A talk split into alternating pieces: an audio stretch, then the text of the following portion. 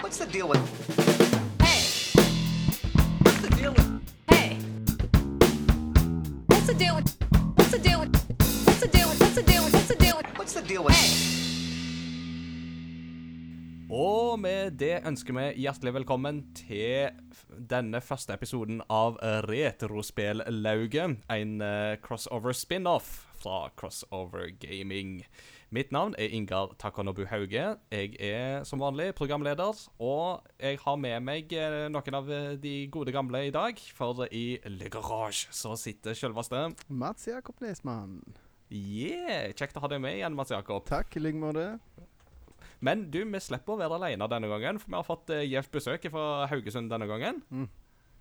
Ja, Så mine damer og herrer, han inviterte seg sjøl til å være med på episode, og det syns vi var veldig hyggelig. Så ta godt imot Anders Andilon Lønning, bedre kjent som uh, Er det nyhetsredaktør i spill.no. Takk, takk. Eh, det, Eh, ja, nei, det var helt rett at jeg inviterte meg sjøl, men når det kommer til dette spillet som vi skal snakke om, så føler jeg at eh, noen må gå i bresjen. Så eh, da Jeg syns alltid bare det er kjekt at folk inviterer seg sjøl, så vi Ja, kan ikke garantere at alle får blitt med. Men uh, det at folk uh, tar inch, det er bare positivt. Det Mm. skal vi uh, ha tommel opp for. Og jeg syns det er veldig gøy å ha med deg fra spill.no, for um, en, en fakta om meg sjøl er jo at min spillanmeldelseskarriere begynte jo som smått i spill.no, men da med å skrive sånne brukeranmeldelser. Ja. Eh, back in that days. Det er sånn for godt over ti år siden, så det begynner å bli en stund siden. ja, eh, og på flipsiden av det, min uh, min karriere begynte i, på community-sidene til Game Reactor, så, så her har vi kryssmitt uh, på, t- på tvers. Dette er virkelig en crossover-episode, Ja, får vi ja, si. ja, ja. Åh, det er deilig. Det er vakkert. Det går som en dans, dette her. Rett og slett. Nei, men uh, Anders, velkommen. Uh, vil du gi en eh, kort presentasjon av hvem du er, og en kjapp spillhistorie? ja, hvor kjapp vil du ha den? Jeg hørte den på Dragon Quest-episoden uh, fortalte hele livskarrieren, men jeg, kan, jeg kan ta ganske kort. Jeg Ja, Anders Lønning. Jeg kommer fra Bømlo, eh, så jeg er et lite stykke ut forbi Haugesund. eh, men har bodd i Haugesund eh, hele mitt voksne liv, da. Eh, her bor jeg med to unger og samboer. Og har spilt så helt siden jeg kunne gå, mer eller mindre begynte på en eh, gammel eh, eh, Toshiba laptop-PC som jeg absolutt ikke ville anbefale noen å ha i fanget, for han var så svær. Eh, på, med da Prince of Persia og Wolfenstein 3D og eh, eh, ja, spill i den eh, i den retningen. Eh, Chips Challenge, egentlig, for Windows 3.1. Ja, ja, ja. Og så da, etter hvert så gikk det over til Sega, eh, Sega Mega Drive. eh, som er den konsollen som på en måte har farga meg mest. eh, Med Sonic og Altered Beast og Comic Zone og Streets of Rage. eh. Yes. Før vi har gått gjennom alle alle andre som vokste opp på 90-tallet, har gått gjennom PlayStation, Nintendo 64, PlayStation 2 eh, Ja, hele veien gjennom, egentlig. Xbox Game. Alt. så for eh, åtte år siden, vel, eh, så begynte jeg å skrive anmeldelser på community sine til Game Reactor. eh, og ble eh, etter hvert plukka opp av uh, Bernt Erik Sandnes uh, Ja. til å være med på uh, Spillmagasinet når han starta ja, ja. opp, eller han var i, på Nettavisen. Eh, noe som var ganske kortlevd, egentlig. Det gikk vel et og to år. Før jeg eh, prøvde meg litt på YouTube. Gikk eh, særdeles dårlig, fordi jeg har ikke tid til å lage noen videoer når jeg er småbarnsfar. uh, og falt tilbake på dette å skrive og, og heiv meg inn med spill.no, hvor uh, jeg nå til slutt har havna som nyhetsredaktør. Hvor jeg og Tommy Alexander uh, dri, drifter den sida med et par eh, veldig hjelpsomme skribenter som eh, anmelder spill for oss, og, og vi anmelder spill. Yeah. Så det, det er omtrent historien om meg. Ja. Det gikk jo vesentlig raskere enn da Eirik skulle gi sin spillhistorie i Dragon Quest-episoden, så godt jobba. Ja. Da, jeg har et spørsmål til deg, for du kom liksom ikke så dypt inn på det. Men eh, eh, har du et favorittspill eller en eh, slags topp tre? Det er vanskelig å si. Noen har liksom 'dette er favoritten', men noen klarer ikke det. Mm, ja, altså det, det skifter veldig ofte. eh, Mm. Og det har, har seg med at jeg, eh, jeg, jeg har en brennende lidenskap for spillmedier i seg sjøl. Så det, liksom å kunne si den ene eller den andre er veldig vanskelig for meg. Mm. Uh, så det kommer vel ned til at Zelda-serien, som uh, vi skal snakke om i Mm. dag, er Yeah. på en måte eh, Der begynte jeg allerede med det første Zelda-spillet. eh, og Det er den serien som gjerne har den best, mest sammenhengende liksom, toppkvalitet av spill hele veien, eh, i Mm. min mening. Men så har jeg en eh, så Av alle de spillene der, så er det Majora's Mask som har vært min favoritt. Mm. og uh, eh, jeg og samboeren eh, hadde, hadde Zelda til felles når vi traff hverandre for første gang. Uh, Mm. Og sånne ting, Så det har på en måte forma der, og vi spiller alle Zelda-spillene i lag med ungene våre. Så Majora's Mask på topp der, da, sånn sett. Eh, Top parenting right there. og så er det da uh, uh, The Witcher 3. eh, som er, The Witcher 3 er så bra som det er fordi alt som kom før, da. Eh, og da mener jeg The Witcher 1 og The Witcher 2 òg. Liksom, det er en Mm. helhetlig pakke, men det kulminerer med The Witcher 3. Der, dermed, da, det, eh, der har jeg lest bøkene. Jeg har så den gamle polske serien før eh, Netflix snappa opp rettighetene til å lage en eh, ny serie. Og det, den satte jeg meg skikkelig inn i allerede tilbake til 2007, når det første spillet kom ut. Er det den som er heter så... Hekser? Hekser, ja. På Ja. tysk heter han Hekser. og, og jeg tror det er Wiedsmin på uh, Ja, polsk, Ja, det var det. Eh, og så er en sucker for Sonic, siden jeg er nå en Sega-fanboy. Så Mm. eh, der er det Sonic 2, som på en måte har vært ubestridt eh, kongen i årevis. Fram til Sonic Mania kom ut for noen år siden. Og Mm. etter Det- det så er det bare OK, Sonic Mania er kanskje den beste plattformen jeg har spilt. så da, Det er veldig der bra. har vi den historikken. Det er de tre spillene jeg setter høyest. Ja. Nice. Så det var et bra spørsmål, forresten. Det må vi huske å stille litt oftere når vi har gjester. Det glemmer jeg av og til. Folk pleier ofte å by på den informasjonen sjøl, så det Ja.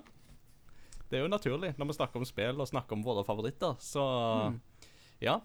Og, og Anders, du har jo nå eh, tisa hva vi skal snakke om, for vi skal jo snakke om Zelda i eh, denne første episoden av Retrospellauget, nærmere bestemt Skyward Sword til Wii.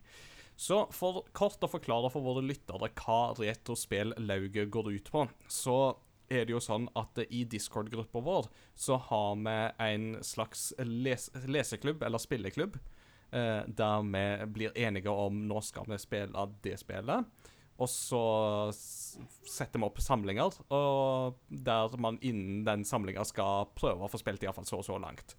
Eh, og det første spillet som vi har gjort det med, det var Skyward Sword. Eh, litt eh, ymse om folk fulgte leseplanen eller ikke, men det har jo med at folk har litt forskjellige tidsrammer å forholde seg til.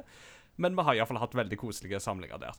Men det som eh, jo kan være litt artig, er jo å samle noen av de erfaringene i en episode, sånn som vi gjør nå. Og det syns jeg at Da var det veldig gøy at Anders tok initiativ til det. Selv om du ikke har fått Mm. være med på de samlingene sånn ellers, så er det jo gøy å få lov å prate litt.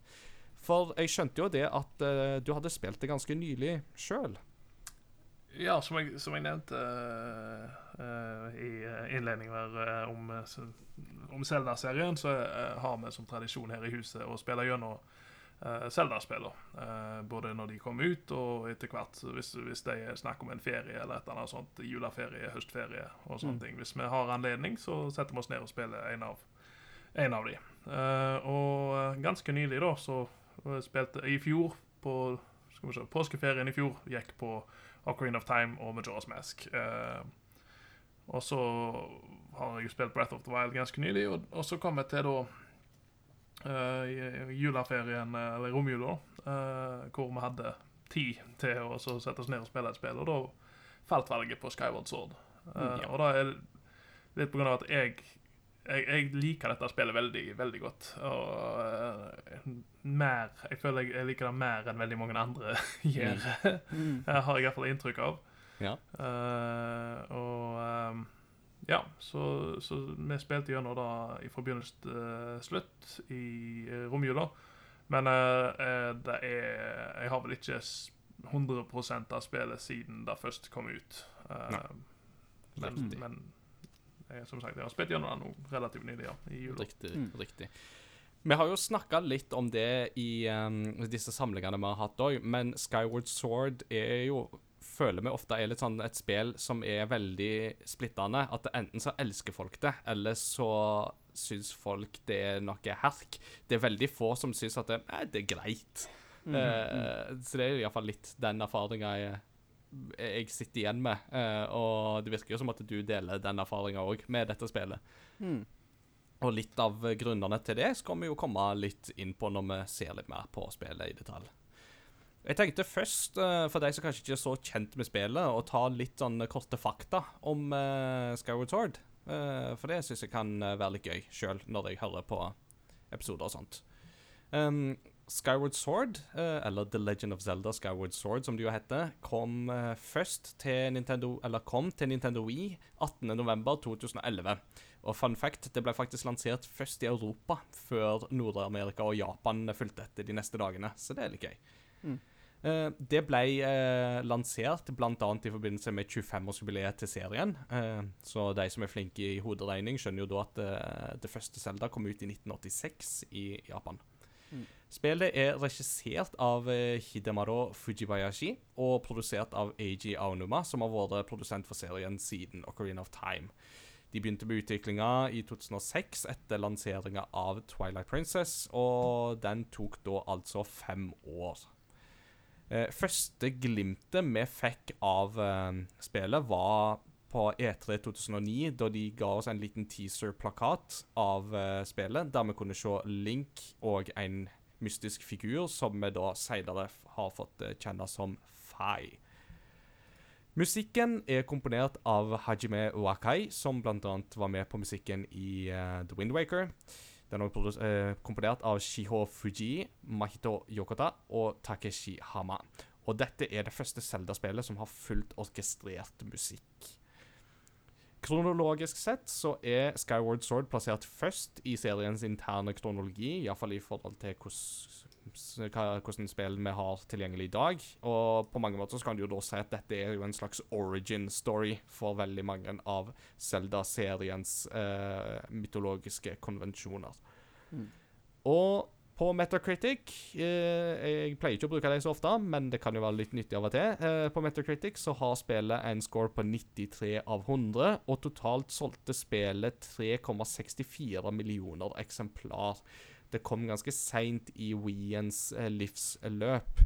Um, og annet eh, kravet om bruken av Motion Plus-kontroller gjorde nok at eh, det solgte litt mindre enn det man kunne forvente. Til sammenligning så solgte jo da The Legend of Zelda Breath of the Wild eh, på Wii U og Switch 3,84 millioner eh, eksemplar før det var gått to måneder. Så det er jo ganske imponerende. Mm. Og det er det vi har eh, om info av, om spillet. Um, og når vi nå snakker om Skyward Sword eh, hvordan- altså, Har dere noen minner knytta til da dere spilte det første gang? Eh, Anders, du har jo snakka litt om dette med at du har ikke 100% av det siden du spilte det første gang. Men når eh, spilte du det første gang? Eh, Jeg spilte det første gang eh, på lansering. Eh, Jeg fikk det faktisk dagen før lansering. Og det er sånn enkelte minner som på en måte brenner seg fast. Eh, Jeg bestilte den eh, 25-årsjubileumspakken. Hvor du fikk Mm. med den eh, gullbelagte Vmote-kontrolleren. eh, som har vært min sånn go-to-Vemote-kontroller helt siden den tid. Og den fungerer like godt i dag som den alltid har gjort. Det. Er samme her. Du er i godt selskap. Ja, det er tydeligvis. og eh, Ja, nei, vi Dette var jo det første Zelda-spillet som kom ut etter jeg og samboeren flytta sammen. eh, og vi hadde eh, som du, sa 2011, ja, så da var jeg fortsatt lærling eh, som automatiker, som jeg bodde i en leilighet i Sveio.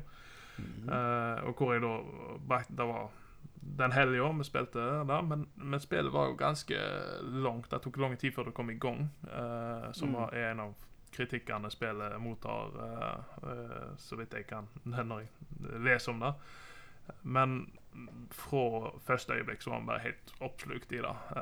Liksom, spesielt dette her forholdet som eh, eh, de danner ganske tidlig i spillet i forhold til Link. Liksom, Link er ikke den der blank slate-karakteren som du har hatt tidligere. Han er mer, Mm. han har en historie, han har, har en plass i universet.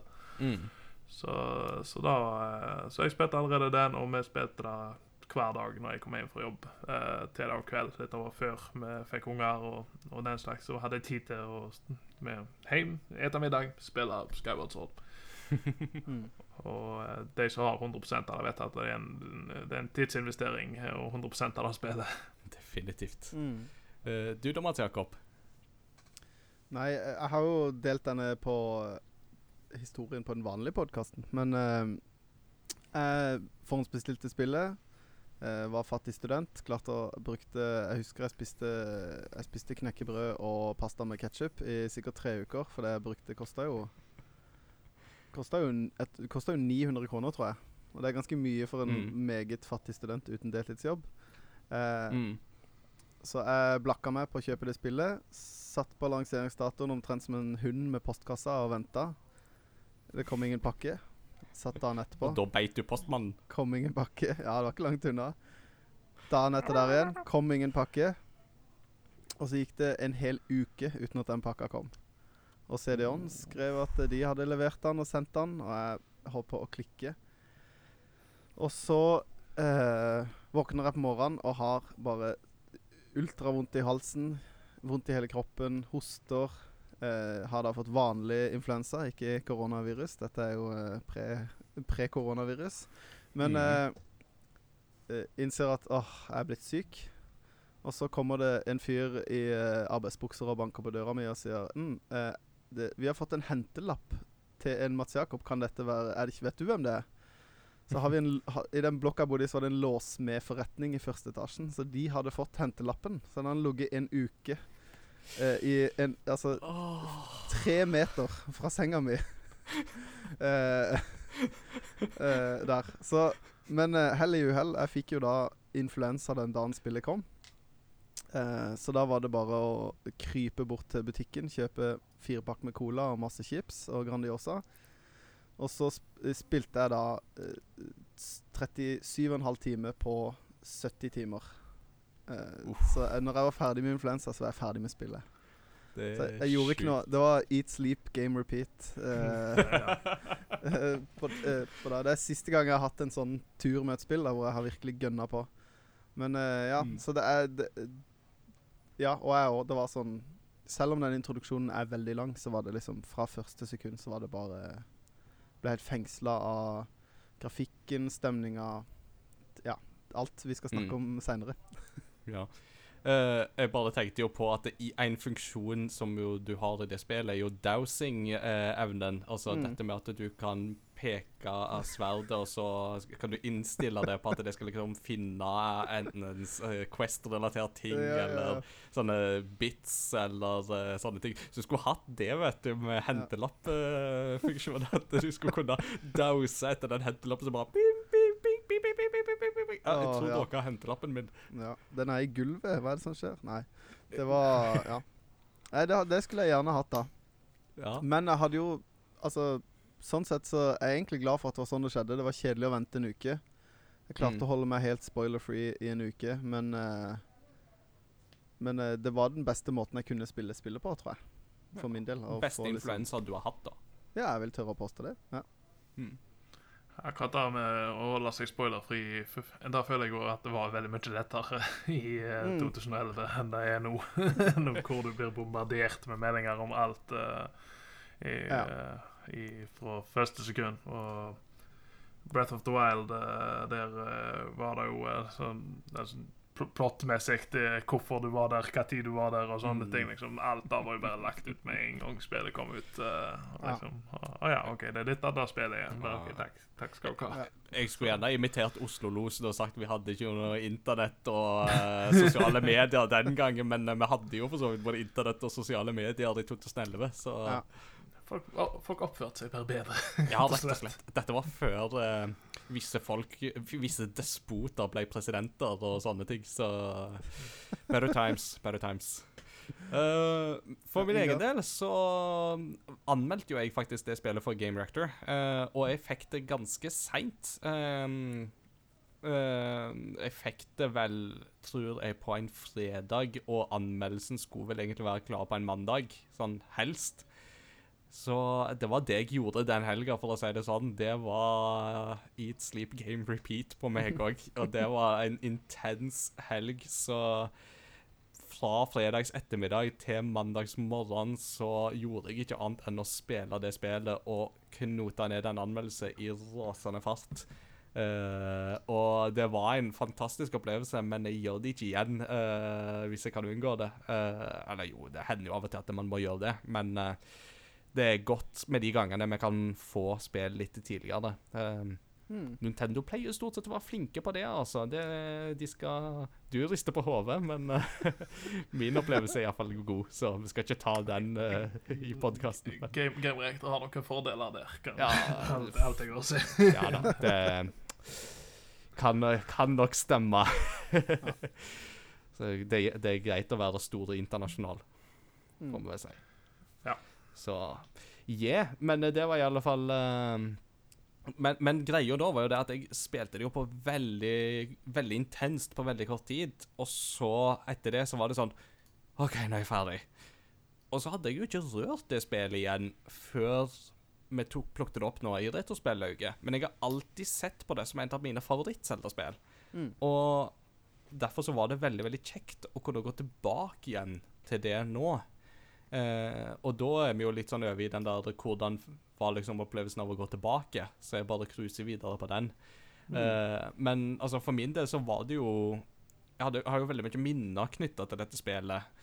Eh, men de minnene har jo ikke holdt på å si, vært spredd over veldig lang tid, så de har jo vært veldig komprimerte. Så det har alltid vært litt den derre Var det spillet så bra som det jeg faktisk eh, sa at det var da jeg skrev anmeldelsen? For jeg ga det jo toppkarakter, og står absolutt inne for at det, jeg, det, den står jeg absolutt inne for. Altså For 2011 så var det absolutt et eh, toppspill. Eh, men hvordan er det da å gå tilbake til det i 2020 med to konsollgenerasjoner seinere, og eh, Wii var jo aldri den mest avanserte uh, konsollen rent grafisk sett. Eh, hvordan vil det oppleves og sånt? Men eh, førsteinntrykket mitt da jeg boota opp spillet, var jo det at eh, dette føles både nostalgisk og kjekt allerede for første stund.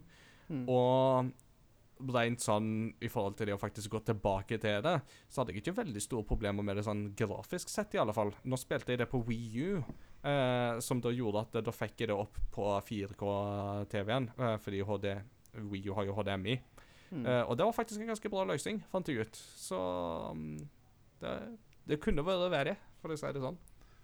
Ja, jeg bare si det sånn du, du, Jeg har egentlig akkurat samme opplevelse som deg. Jeg har ikke spilt Skyward Sword siden jeg 100 av det uh, før, før jeg spilte noe nylig. Og, og jeg har vært inne på de tankene. Liksom, er, var det så bra? Fordi eh, liksom, jeg har hatt det helt her oppe i toppsjiktet uh, på Zelda-spill for min del. Altså, for Mm. meg så er det ja, Uten å gå gjennom rankinga i den forstand, men altså, jeg, jeg liker de Zelda-spill som gjør ting litt annerledes. Eh, Mm. og, uh, og Breath of the Wild er jo en ganske stor shake-up på det, og Majora's Mask er en ganske stor shake-up på det. Og, og Skyward Sword òg var det. Selv om hvis du skal se på de tre spillene, så er egentlig Skyward Sword det som minner mest om Queen of Time i, i liksom ja, både setting og, eh, og at du har eh, i denne rekkefølgen av ting du skal gjøre. eh, altså den, den, tre av én ting og så noen andre ting. liksom. Mm, mm. du har den der spitten midt, midt imellom spillet. Men så tenker jeg på Twilight Princess. Som, som var liksom vi spill, vi Zelda-spillet før. Det var egentlig Originalt et GameCube-spill, men som var det spillet jeg kjøpte meg en Wii for, var jo Mm. Twilight Princess i sin Mm. tid. Jeg hadde ikke GameCube. Og jeg har aldri hatt lyst til å gå tilbake og spille Twilight Princess, og jeg har ennå ikke liksom gjort det. Selv ikke når det kom ut på, eh, på HD på VU. Uh, jeg har det, men eh, jeg, har, jeg har ikke den samme tilknytningen til det som jeg har til Skyward Sword. Mm. Mm. Så det er ikke bare en Zelda-tilknytning, men Skyward Sword det er et eller annet med det spillet som, som eh, jeg har en sterk tilknytning til. Eh, Mm. så, så for min del så er det ja. Altså, det er Det er det, var, det er fortsatt så bra som jeg husker det var. det har sine skavanker, men de fleste skikkelig, skikkelig gode spill har skavanker. Mm. Mm. Rett og slett. Mats Jakob? Ja, jeg jeg er helt enig. Pluss en på alt dere sier. Eh, Jeg for min del spilte det på Wii på en kasse-TV, som eh, jeg originalt gjorde. Eh, men eh, jeg hadde oppgradert til RGB-kabler, eh, som ikke Jeg har ikke AB-testa det, men det var ikke noe sånn Jeg, jeg ble litt sånn overraska over hvor kornete det var.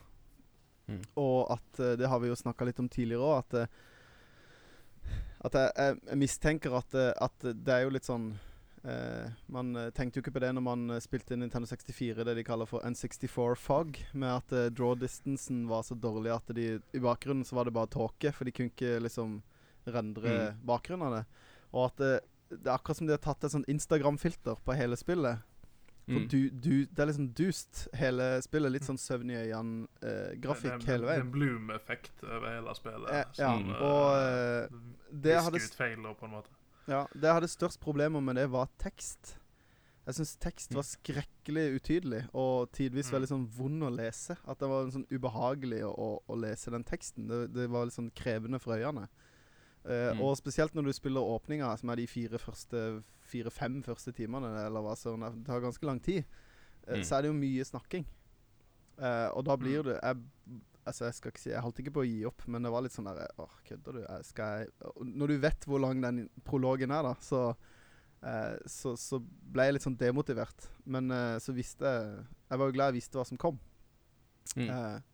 Men det var liksom det første jeg tenkte da, var at liksom Jeg husker jeg drev liksom var borti TV-en og sjekka om kabelen var ordentlig i, og gikk inn på settinger og prøvde liksom med lysstyrke og alt mulig da, for å se om jeg kunne få det til å bli bedre. For jeg huska det som penere enn Altså ikke penere, men skarpere enn det var. For det er pent, Mm. er det. Men uh, jeg husker det som ikke så plagsomt.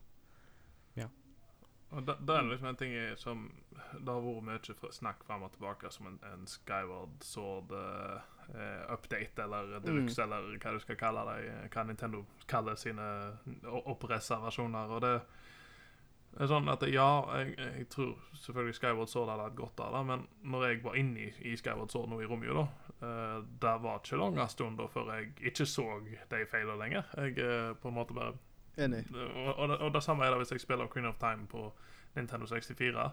Da, kjører vi i 19 frames i sekundet, liksom. så, og da merker du de, med en gang du setter deg ned men, Oi, dette her var Dette her var uvant. Men Ja. så bare å, tar spillet deg med på den samme reisen som du har gjort før, og så bare OK, jeg, jeg gir meg over for det, på en måte. Mm, Mm. ikke sant. Um, I forhold til det med draw distance og sånt, så syns jeg det er en veldig interessant løsning de har valgt for dette spillet. Uh, for det har en veldig særegen grafisk stil. Mm. Uh, og særlig da med at ting som er veldig langt vekke, er ekstra blurry, mens ting som er nærmere, er litt mindre blurry. Og jeg er enig med deg med at ting som er nært, kunne kanskje vært enda litt skarpere og tydeligere. Mm. Uh, men den effekten de har der med å gjøre ting lenger vekke blurry, er jo noe som ligger veldig til grunn for inspirasjonskilden for den grafiske stilen. Uh, for de var veldig inspirert av impresjonistisk kunst i Mm. utviklinga av uh, dette spillet, og da særlig kunstverkene til Paul Cézanne, som bl.a. Miyamoto har som et veldig stort kunstnerisk idol. Uh, og hvis du ser på noen av hans malerier, og sånt, så vil du se veldig tydelig hvor de har henta den inspirasjonen og klart å faktisk få den til å bli en interaktiv opplevelse. Og Mm. det i seg sjøl syns jeg er ganske imponerende med tanke på Wii U-ens eh, kapasiteter, eller mangel på sådan. Selv om, ja, altså Litt skarpere tekst og når ting er nærme, det Man kunne absolutt ha hatt fordel av det. Det tror jeg på. Ja, Når du sier om hva kapasitet en Wii U og en GameCube hadde, så er eller, eller Wii U hadde, er jo at eh, det de sier, er jo at vi jo egentlig bare to vi-er ducktapa sammen, og, og vi i seg sjøl var to GameCuber ducktapa sammen. Mm. Men når det kommer til den stilen som vi snakker om, allerede det første teaser-bildet som de ga ut på E3 2009, Mm. eh, hvor du da har eh, eh, Du ser fra bakom ryggen på Link, og så er det da eh, Fi, da, som, eller Fi, som du kalte du, eh, som eh, du ser på en måte plassert sånn som om vi skulle sverdet, da. Noe Mm. vi ikke visste når, når spillet eh, ble, først ble teasa. Mm. Så er, er jo Hvis du ser på det og, og stilen den, den konseptarten der er laga i, og så ser du hva spillet egentlig er, så er det sånn at det, ja, for en gangs skyld så matcher disse her to tingene. Ja, Altså, si det. det har den derre uh, Litt sånn watercolor-farga Jeg vet ikke om det er det rette ordet for det, men uh, ja. Det, den, Mm. den stilen. Så jeg, og jeg føler at det da er båret fram på en veldig god måte, og, og, og det ser vi igjen i Breath of the Wild òg. Breath of the Wild Mm. har veldig tydelig inspirasjon fra den samme, samme retningen. Mm, absolutt. Jeg, sy- jeg syns det er kult når du kan se allerede fra concept art, eller det første okay, ja, plakattingene, at de har hatt en veldig tydelig mening, da. Eller veldig ty... Mm. Altså Ta motsetninga som er da uh, Windwaker, som ble presentert som en ting folk jubla, og så et år seinere sa sånn Hei, vi har gjort noe helt annet. Bu. Eh, og så er det jo et kjempebra spill, men, men uh, det er gøy når de virkelig liksom har hatt en sånn veldig klar tanke da Uh, Mm. på de tingene. Og jeg syns òg det skinner igjennom med liksom For å snike litt videre til neste eh, avdeling med liksom mytologien og alt dette her, at det, det er ikke noe s- det, føles ikke som noe av storyen er tilfeldig, da, og at eh, På en måte eh, Det er jo ikke snakk om at eh, denne mytologien var tenkt ut eh, allerede tidlig, så tidlig som på 90-tallet en gang. Men at Nei. de har klart å skape en mytologi basert på materiale de har lagd tidligere, og en mytologi som er interessant, og som eh, virker gjennomtenkt. Eh, Og som binder veldig mye av en veldig sånn fjern serie. Altså Det virker jo ikke som spillene henger sammen, annet enn at alle spillene er Hero of Time. Eh, at det, skal liksom være samme reinkarnasjon og samme helten. Så, virk, så, så har de liksom klart å binde det sammen på en veldig god måte, syns jeg. Som er eh, En av de tingene jeg syns er spillets aller sterkeste side, er at det, Mm. det liksom Som jeg syns gjør at alle som liker Zelda, egentlig bør spille det, selv om du irriterer deg av og vifting og alt mulig. At du får så dypdykk i Zelda-universet, da. Og Mm. en sånn ekstra tyngde til det som skjer, og det gjør uh, Alle spillene etterpå har vært uh, Eller alle spillene, det er vel bare kommet ett spill etterpå, er det ikke det? Et Ja, i- mainline og Ja.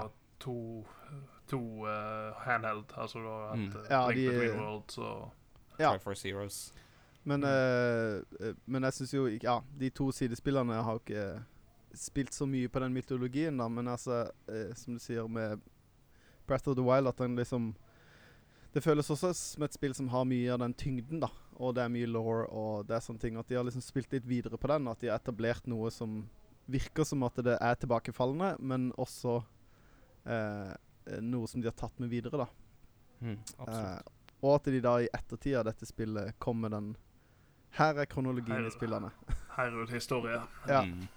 Eh, Det er jo riktig. For, for det var jo en ganske stor greie òg på dette tidspunktet, var jo da at de òg ga ut den boka Hyrule Historia, og for første gang ga ut en offisiell timeline for hvordan Mm. spillene er rangert. Uh, og jeg husker jo at da jeg var student, uh, som jeg var på denne tida her, så var jeg veldig opptatt av akkurat det der, med liksom hvordan de var plassert. Og jeg husker særlig Eh, jeg husker ikke hvem det var som introduserte meg for det, men det var noen som kom med eh, Introduserte meg for split timeline-teorien. mm. Om at spillene følger ikke bare én tidslinje, men de følger faktisk to separate tidslinjer som følge av begivenhetene i Ocarina of Time. mm. Eh, der du da hadde liksom i Link voksen-timelinen så hadde du Wind Waker, og du hadde disse DS-spillene Phantom Hourglass, Spirit Tracks eh, I alle fall, pluss kanskje noen andre. Og det var jo litt sånn Men det var iallfall veldig tydelig at Ocarina of Time skapte seg skille der, og det synes jeg var sånn Mm. Ja, kjempespennende. Og det bekrefta de jo faktisk til en viss grad med Mm. Hyrule Historia, men da introduserte vi òg det at det er jo faktisk tre timelines. For det fins òg Ja. en variant der Link i Ocarina of Time feiler og dør. Mm. Uh, og hva som da skjer. Uh, så det er en litt sånn interessant twist på, på det, da. Uh, Men, og da, da spiller vi litt grann tilbake til det originale NES-spillet. Eller Mm. første uh, eh, Legend of Zelda, hvor hvis du dør i det spillet, så er det ikke bare en vanlig game over-screen. Det står game, 'Game over Ganon Returns'. ja, det er vel i toen, Altså, det. Zelda det- 2.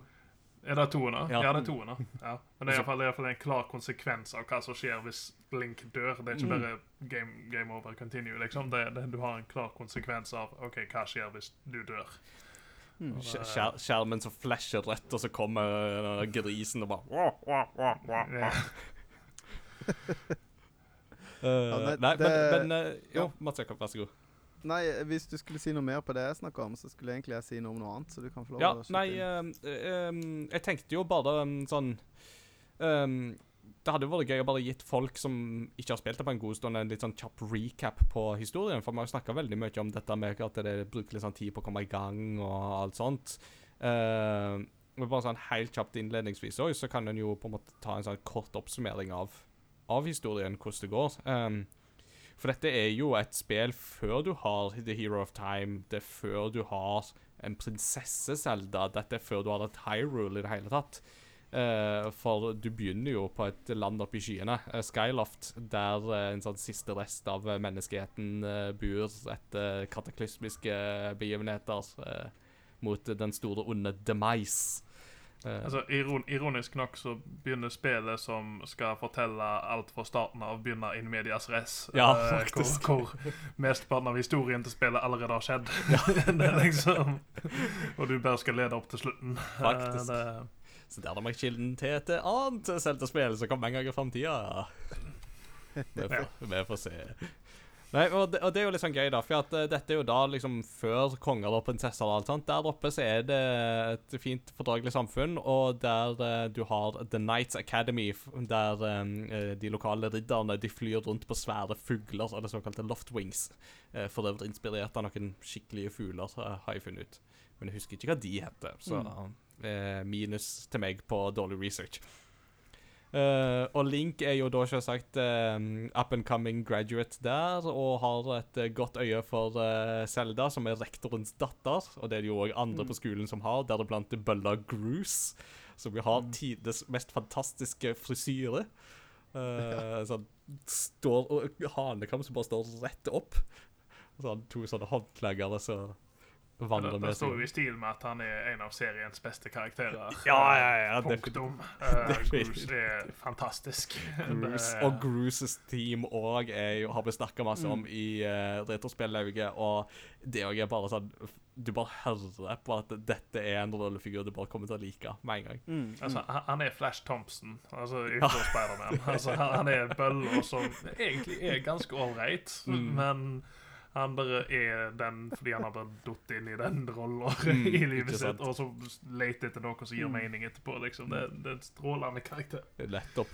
Og ikke minst er han jo veldig misunnelig på Link, fordi at han er jo stormforelska i Zelda, men føler jo absolutt at Zelda har et bedre øye for Link enn hun har for han. Så mm. han prøver jo å sabotere hele eksamenen til Link uten at det går igjennom. Eh, og før um, Men så er det jo da at uh, Link og Zelda skal ta en uh, liten flytur på disse fuglene sine. Og så kommer det en stor kastevind og tar med seg Selda Zelda og kaster henne ned under skyhavet. Og der har på en måte ingen vært siden Skyloft ble løfta opp. og det er litt sånn Hvordan skal dette gå? Men så får Link et, et syn mens han sover, og blir leda til liksom, den lokale statuen av The Goddess av Hylia. Og finner et hemmelig kammer der der det hviler et sverd, og det sverdet har jo da en personlighet som heter Fai. Eller Fi. Eh, de, de lærde strides. Eh, jeg har alltid gått for Fai, men eh, folk får lov å si begge deler. Jeg skal ikke krangle på det. Og Fay sier at uh, hun er um, skapt av uh, The Goddess, av Hylia, i påvente av uh, den utvalgte helten som da skal komme. Og Link er jo da tydeligvis den helten, og ved hjelp av Fay så kommer han seg ned til landet under skyhavet. Og der begynner da jakten på Zelda på de forskjellige plassene. Det skjer jo selvsagt ikke uten uh, visse hinder, for uh, en kar som er veldig, in uh, eh, veldig innstilt på å stoppe Link, er jo da han som kaller seg for The Demon Lord Girahim. En flashy dude av uante dimensjoner som er meget sjølsikker og cocky på seg sjøl. Og som òg er en, vil jeg si, en fantastisk rollefigur. Mm. Og det er liksom hovedhistorien i korte trekk, og så kommer vi innom litt sånne elementer her og der eh, etterpå, Hmm. tenker jeg. Eller underveis. Uh, men uh, sånn storymessig så syns jeg jo det er noe sjarmerende med hele denne storyen, med at det, det er liksom ikke the hero of time eller the princess. Det er liksom ikke noe der ennå. Altså, det der det vennskapet som Link og Zelda har, som er litt sånn childhood friends og alt sånt, ja, det er en japansk stereotyp, men det føles litt sånn astig og troverdig. Og dette er jo kanskje det Zelda-spillet der jeg føler at det, her kan det faktisk være en romanse mellom Link og Zelda som faktisk kunne gått an òg. så hvem vet? Ja, det gir jo òg eh, liksom, eh, dybde til karakterene, eh, på en måte Mm. som du, du Historien funker kun hvis du bryr deg, på en måte. Eh, og, og i, og med at eh, liksom, de er barndomsvenner, og de du har denne her eh, seremonien som på en måte Det er ganske antyda til at det er, det er romantisk lada, og det er, er, er alt dette legger opp til det. Og det, det er eh, du, Igjen noe som på en måte har påvirka Breath of the Wild, eh, hvor serien endelig gikk til voice acting, Mm. eh, er at eh, de ga selv den, denne inkarnasjonen av Zelda, den første inkarnasjonen, eller andre, hvis vi ikke skal gå inn på spoiler ennå. Eh, så eh, de gir den inkarnasjonen personlighet på en måte som eh, eh, da påvirker hvor, hvor de kan gå videre med figurene. Og da, Mm. da syns jeg hele serien er tjent med at de, de ga oss en grunn til å bry oss eh, om figurene som Ja, de har vært troper frem til dess. Det er veldig det, Du har helten, og du har prinsessa, og du har skurken. Det liksom Mm. det, det er da det alltid har vært. Mm. Jeg syns jo på en måte litt som jeg snakka om i stad, at det gir dybde baklengs, eh, selv om det er forover i kronologien. Eh, at eh, du har et spill hvor den Eller litt den derre Hvis på en måte Link er Hero of Time og Zelda er på en måte en inkarnasjon av Selda, så har de et bånd som Mm. kommer fra et sted som har eh, dybde mer enn bare helten og prinsessa. Mm. Eh, og litt sånn gammel Sword and Sorcery-pakke, liksom.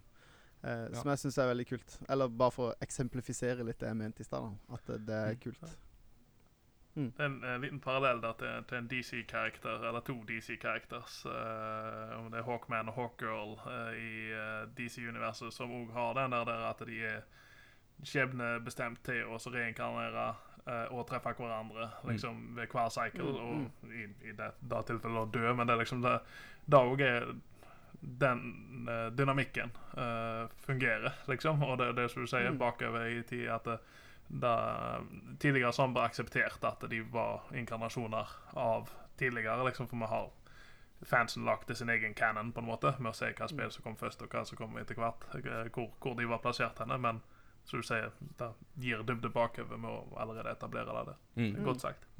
Eh, og når vi først er inne og snakker om dette med inkarnasjoner og sånt, så kan vi jo gå inn på liksom en av de store plot-tvistene i spillet, som en jo får etter hvert i historien, eh, som jo handler om For du nevnte jo om Zelda som at dette er jo Zeldas andre inkarnasjon, eh, hvis man skal på en måte se på det sånn.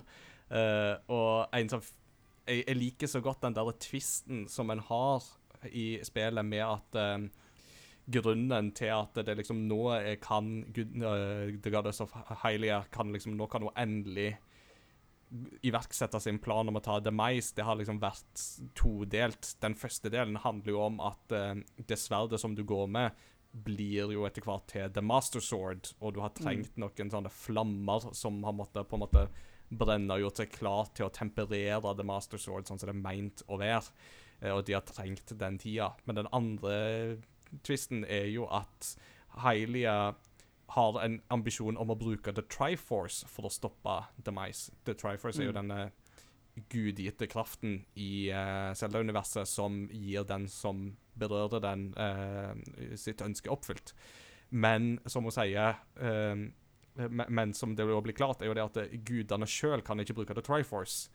Så Hylia oppgir jo sin egen guddom for å kunne iverksette denne planen, og er jo da Zelda.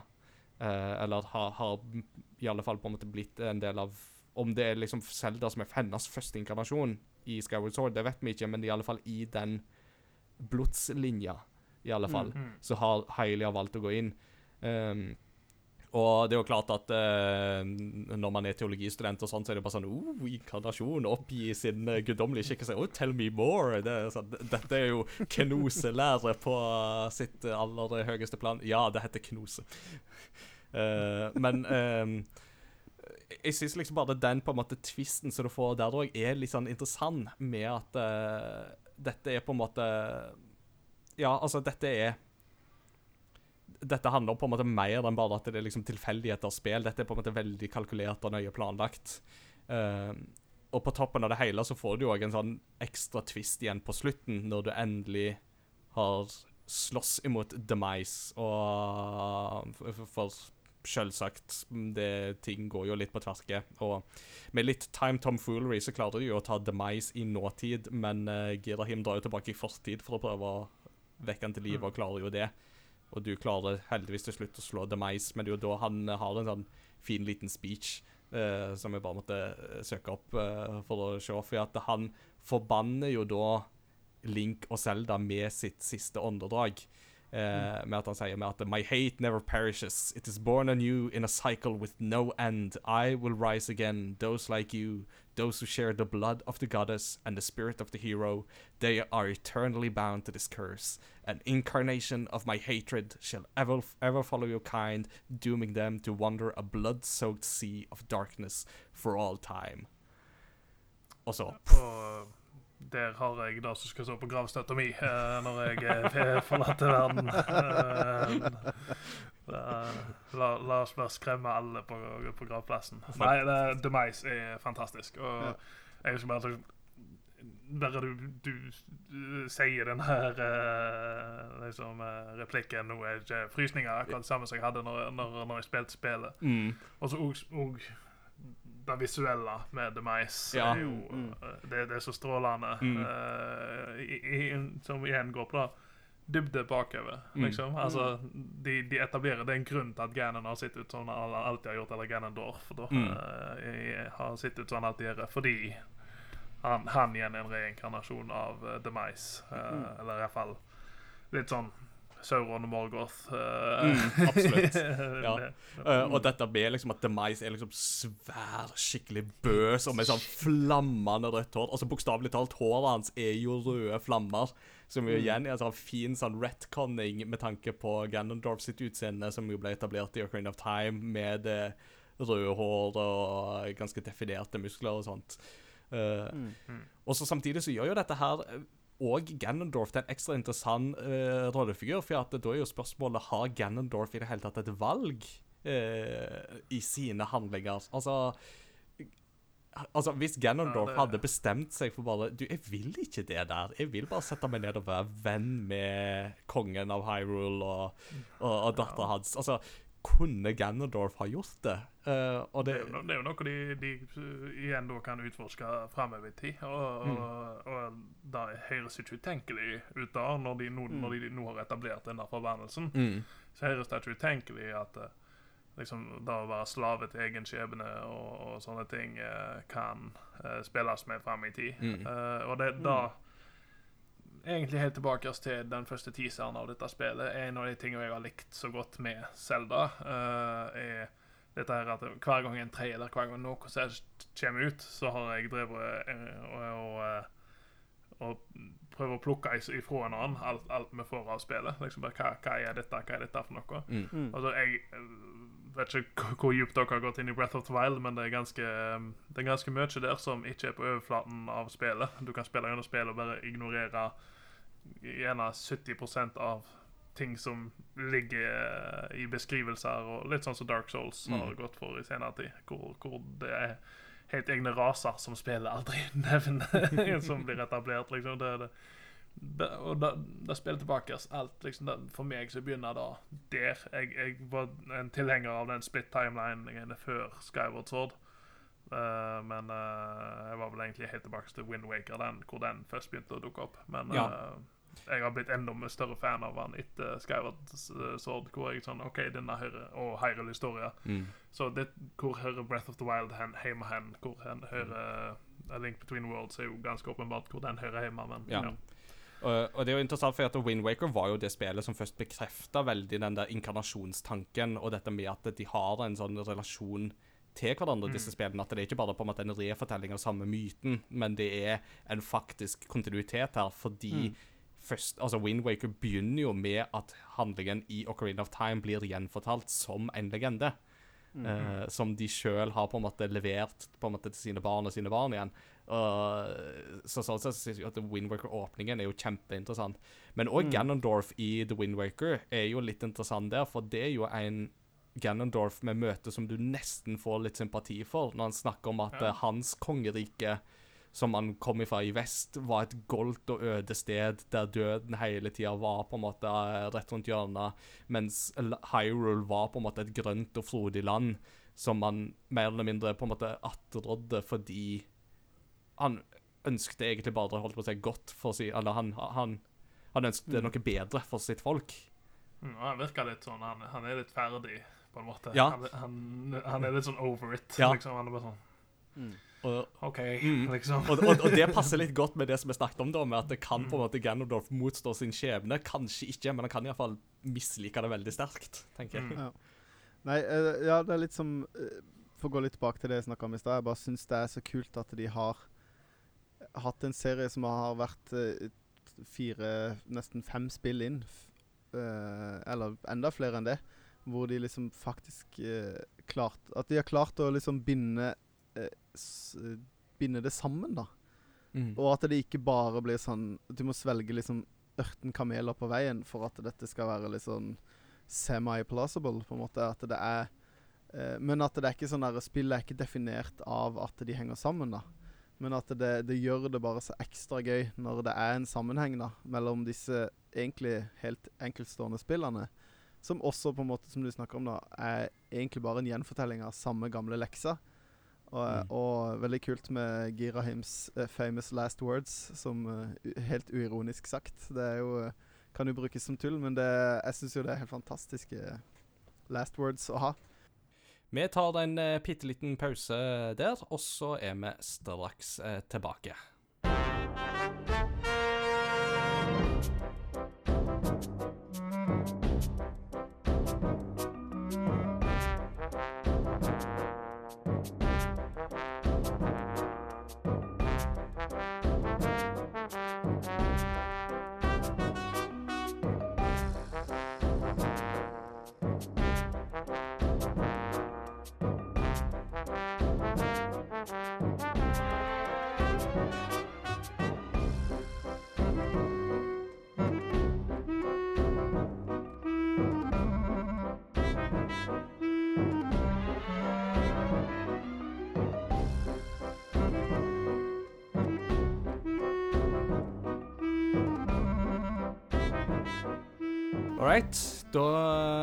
Fortsetter med praten. Eh, og vi, må, vi har ikke helt blitt ferdige med rollefigurer og sånt ennå, synes jeg. For at vi har jo Mats Jakob, rett før pausen så nevnte du jo Girahim, og, og vi har ikke snakka så mye om han ennå.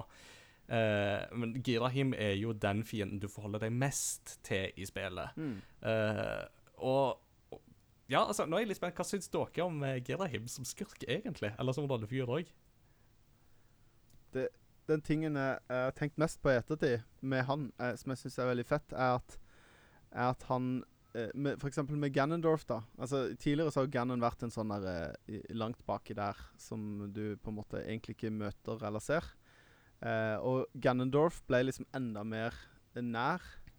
Men du på en måte Du møter han ikke så mye. Du møter han én gang, og så forsvinner han, og så møter du han på slutten i spillet igjen. Mens det som er så fett med Girahim, syns jeg, da, er at han han er liksom Han, han avbryter det. Han kommer inn, og det er det som er så, synes jeg er så kult med at han kan liksom teleportere òg. At han er liksom ofte innom. Du slåss ikke mot han så ofte. Du gjør jo det eh, Eller du gjør det mer enn én gang. Og allerede som første boss.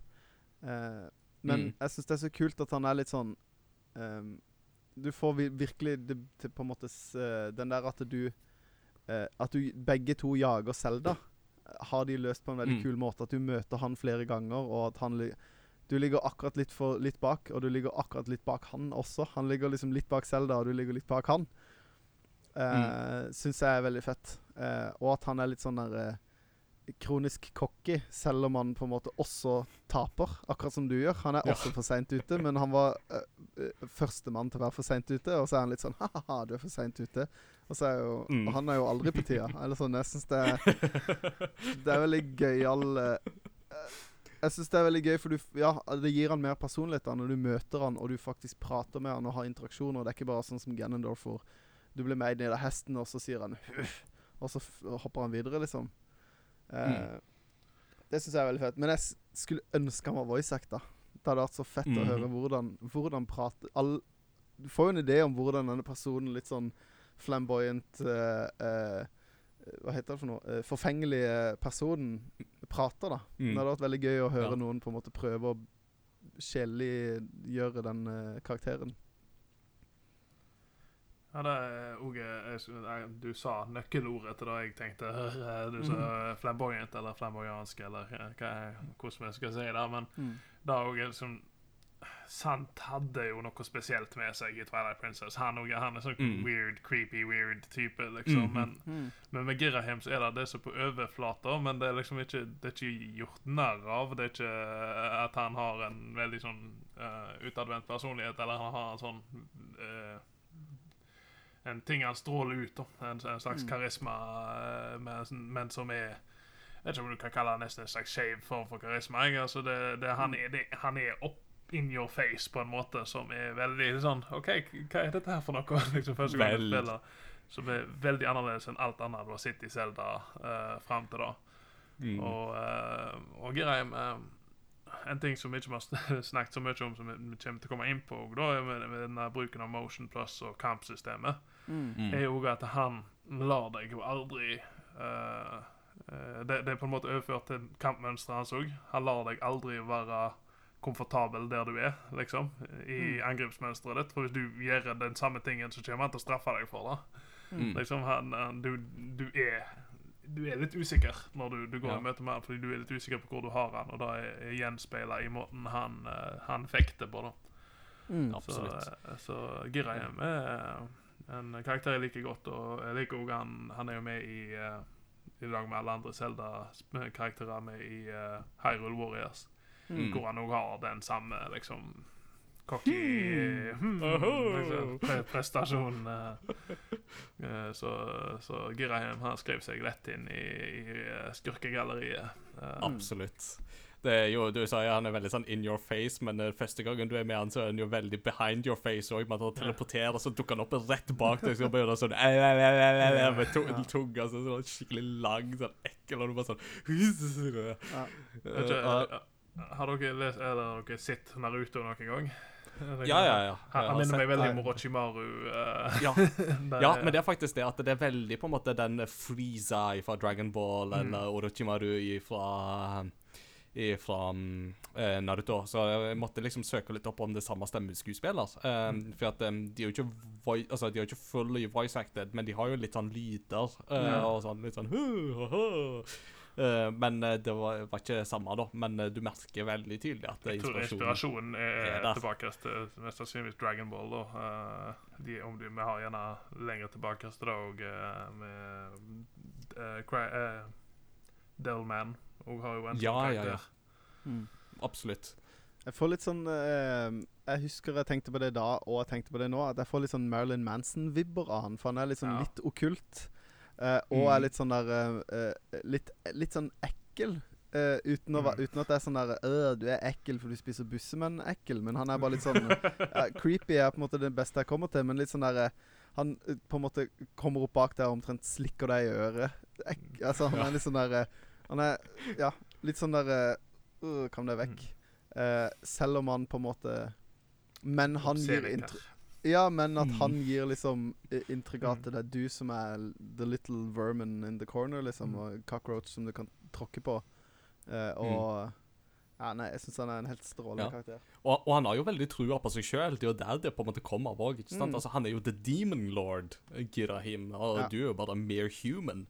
Eh, så det er jo litt det der òg. Og det er jo en frustrasjon som virkelig på en måte vokser etter hvert som du slåss imot han, og han ikke klarer å ta deg. Så merker du at frustrasjonen hans blir sterkere og sterkere og sterkere helt til han i den siste kampen òg viser jo sin sanne natur. Og det syns jeg er et veldig spennende fenomen òg. For det er jo da det viser seg at eh, Girahim er jo Han er ikke bare The Demon Lord, men han er jo sverdet til Demise eh, sin personlighet. På samme Mm. måte som da at Fai eh, er jo da ditt sverd sin personlighet. Det sverdet som jo blir smidd til å bli The Master Sword. Mm. Så er jo da Girahim en slags antitese til Fai. Eh, og det òg er en sånn veldig sånn kul dynamikk der òg, med at jeg, jeg liker litt det der hvordan de spiller på sånne ting, og at Mm. det Ja, der, altså, Nok- der har du for Fei har jo en veldig sånn kald uh, Mm. Nesten nesten en Cortana, eller egentlig ikke Cortana heller, for hun er jo mer, hun, til og med hun har mer følelser enn Faye. Ja. Faye har veldig sånn icy, Altså, Ice Queen ytre, mm. liksom. Og hun Altså, er jo jeg av glass. Ja, ja. Altså, jeg tenker jo alltid på Fai. Altså, den der måten hun er liksom helt iskald og veldig analytisk og veldig Mm. Altså, hun er jo en basically en AI. Eh, det er jo Mm. på mange måter sånn jeg føler at hun er. Og jeg føler ofte at det- det å snakke om anime-arketyper, så finner du jo litt sånn henne i Rei fra Neon Genesis Evangelion. Mm. er jo litt den typen. Eller Nagato fra The Melancholy of Haruhi Suzumiya, som jo er en robot, eh, og dermed òg er veldig sånn Mm. kald og kalkul... Altså Det er på en måte en sånn arketype som går litt igjen da i japansk eh, anime og sånt. Um, Og samtidig så er det noe med at det, oppstår likevel et, en relasjon mellom Link og Fai gjennom spillets gang òg, med at eh, på slutten òg så snakker du liksom litt om det der med at eh, jeg har kommet fram til at eh, det, dette her må være det som er definert som vennskap, eh, og jeg anser det som min venn. Mm. Og jeg gleder meg til å treffe deg igjen i et senere liv. Uh, og det er litt sånn Ja. Ja. Jeg syns på en måte det er eh, Bare for å trekke den tråden litt lenger, da. Eh, men jeg syns det er litt trist, for det at når, når du sitter og ramser opp eh, japanske arketypekarakterer arketype De eneste på en måte vestlige arketypekarakterene jeg kommer på, er liksom folk som eh, eh, as, jeg skal si, sannsynligvis er inne på autismespekteret, hvis du skjønner hva jeg mener. Med litt sånn Mm. Sheldon Cooper. eh, eh, litt sånn der eh, Nei, det er som ikke catcher følelser og er litt sånn eh, Hva er det han heter for noe? Han i Star Spock, Trek. for den Ja, ja, ja, eller Eller eh, ja, Commander Data. ja, ja, det var han jeg tenkte på. Ja. Veldig sånn Å ja, det, jeg skjønner ikke menneskelige relasjoner. Eh, og litt Mm. sånn der Litt sånn negativ stereotype, da. Um, Mm. Jeg kalkulerer en 98 sannsynlighet for at uh, dette er det du er på jakt etter. Ja, og at hun liksom hun, hun, de, de på en måte vestlige assosiasjonene du spiller på, er litt sånn nerds. Eh, mens kan, eh, er på en måte kule i, eh, i Japan, da, med liksom eh, Ja. Men det, ja, det var litt avsporing, men eh, Vi treng- det- det- vi jeg trenger noen, vi trenger noen bedre stereotyper, eller stereotyper, arketyper i Vesten, da, på, Mm. Mm. Ja. på sånne ting. Eh, Men, men, men Fai er jo en veldig omdiskutert figur òg, fordi at eh, er jo ikke bare det at hun er veldig sånn kald og analytisk og sånt. Og det er klart at eh, Zelda-serien har jo sin historie med sidekicks som kan være litt plagsomme. Hey, listen! Mm -hmm. uh, og, og, og Fai har jo en sånn tendens til sånn i tide og utide poppe opp og så bare ja, Master, jeg regner med at det er veldig stor sannsynlighet for at det er her du skal være. Og det er bare sånn Jo takk, jeg, jeg vet det. det du, du kan gå tilbake igjen nå, liksom. Ja. Eh, men hva y- Thoughts? Nei, jeg bare, jeg bare tenkte på Jeg ble minnet på et barndomsminne som eh, av den der eh, PTSD-en Navi påfører deg i, i, i eh, Ocarina of Time. Uh, når jeg spilte Majora's Mask for første gang og så to feer, så fikk jeg helt panikk. jeg vet ikke om noen andre fikk det, men jeg var bare sånn Nei! Jeg vil ikke ha There's a purple one. Det var litt der jeg var da.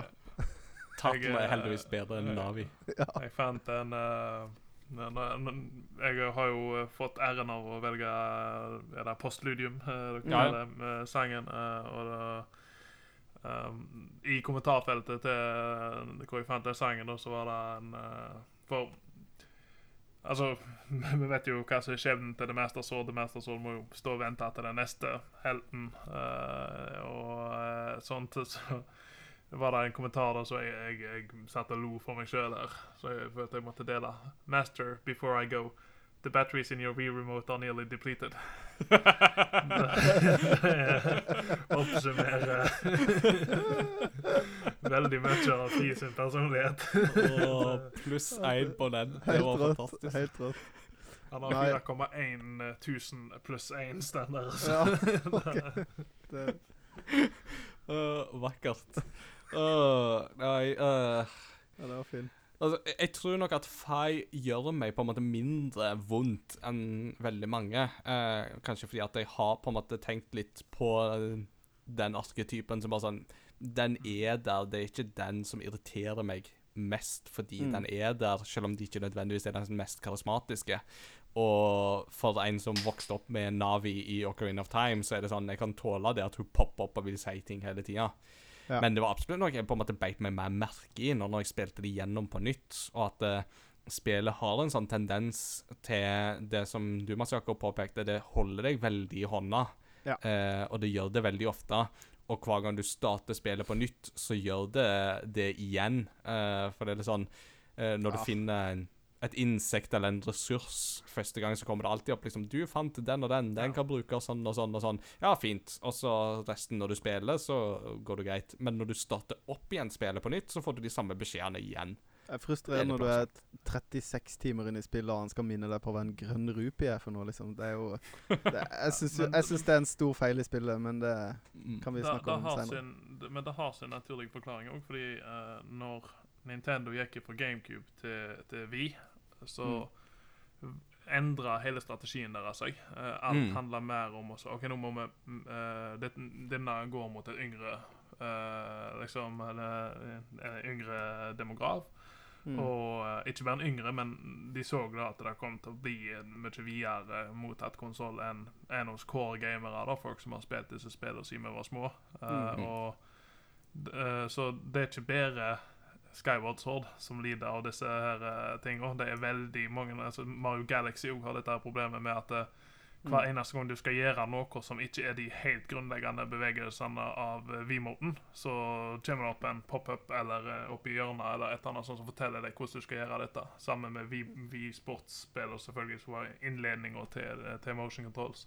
Ja. Men det, det var liksom filosofien til Nintendo på den tida var liksom Vi, vi holder deg i hånda fordi vi vil at du skal oppleve dette spillet på våre premisser, ikke på dine.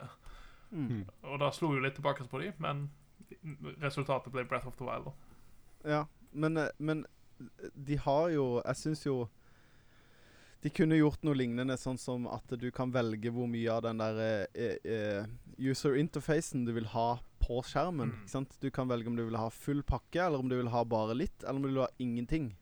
Og det hadde kosta de veldig lite å ha det som en, et Ja. alternativ. At uh, du ikke vil få litt sånn der uh, eh, hints-opplegg, da. Vil du ha hints eller ikke? Det er det spiller skummel i rett retning. Uh, og sier jo altså det, Ingar, du uh, eh, nevnte det jo som en spøk her, liksom at det er Mm. 90 sjanse for at du finner det der her. Men hun sier jo òg eh, ganske kontant hvis du går i feil område. Det er 0 sjanse for at du finner noe her. det er liksom det Ja. Spillet Ja. lar deg ikke eh, gå feil mer enn Nei. du må. Eh, bortsett fra når det kommer til dette med 100 av spillet og skal samle sammen Mm. alle disse ingrediensene og sånne ting du trenger. Da, da hjelper jo spillet deg ikke i det hele tatt. Da må du bruke verktøyene du blir gitt til å finne disse tingene.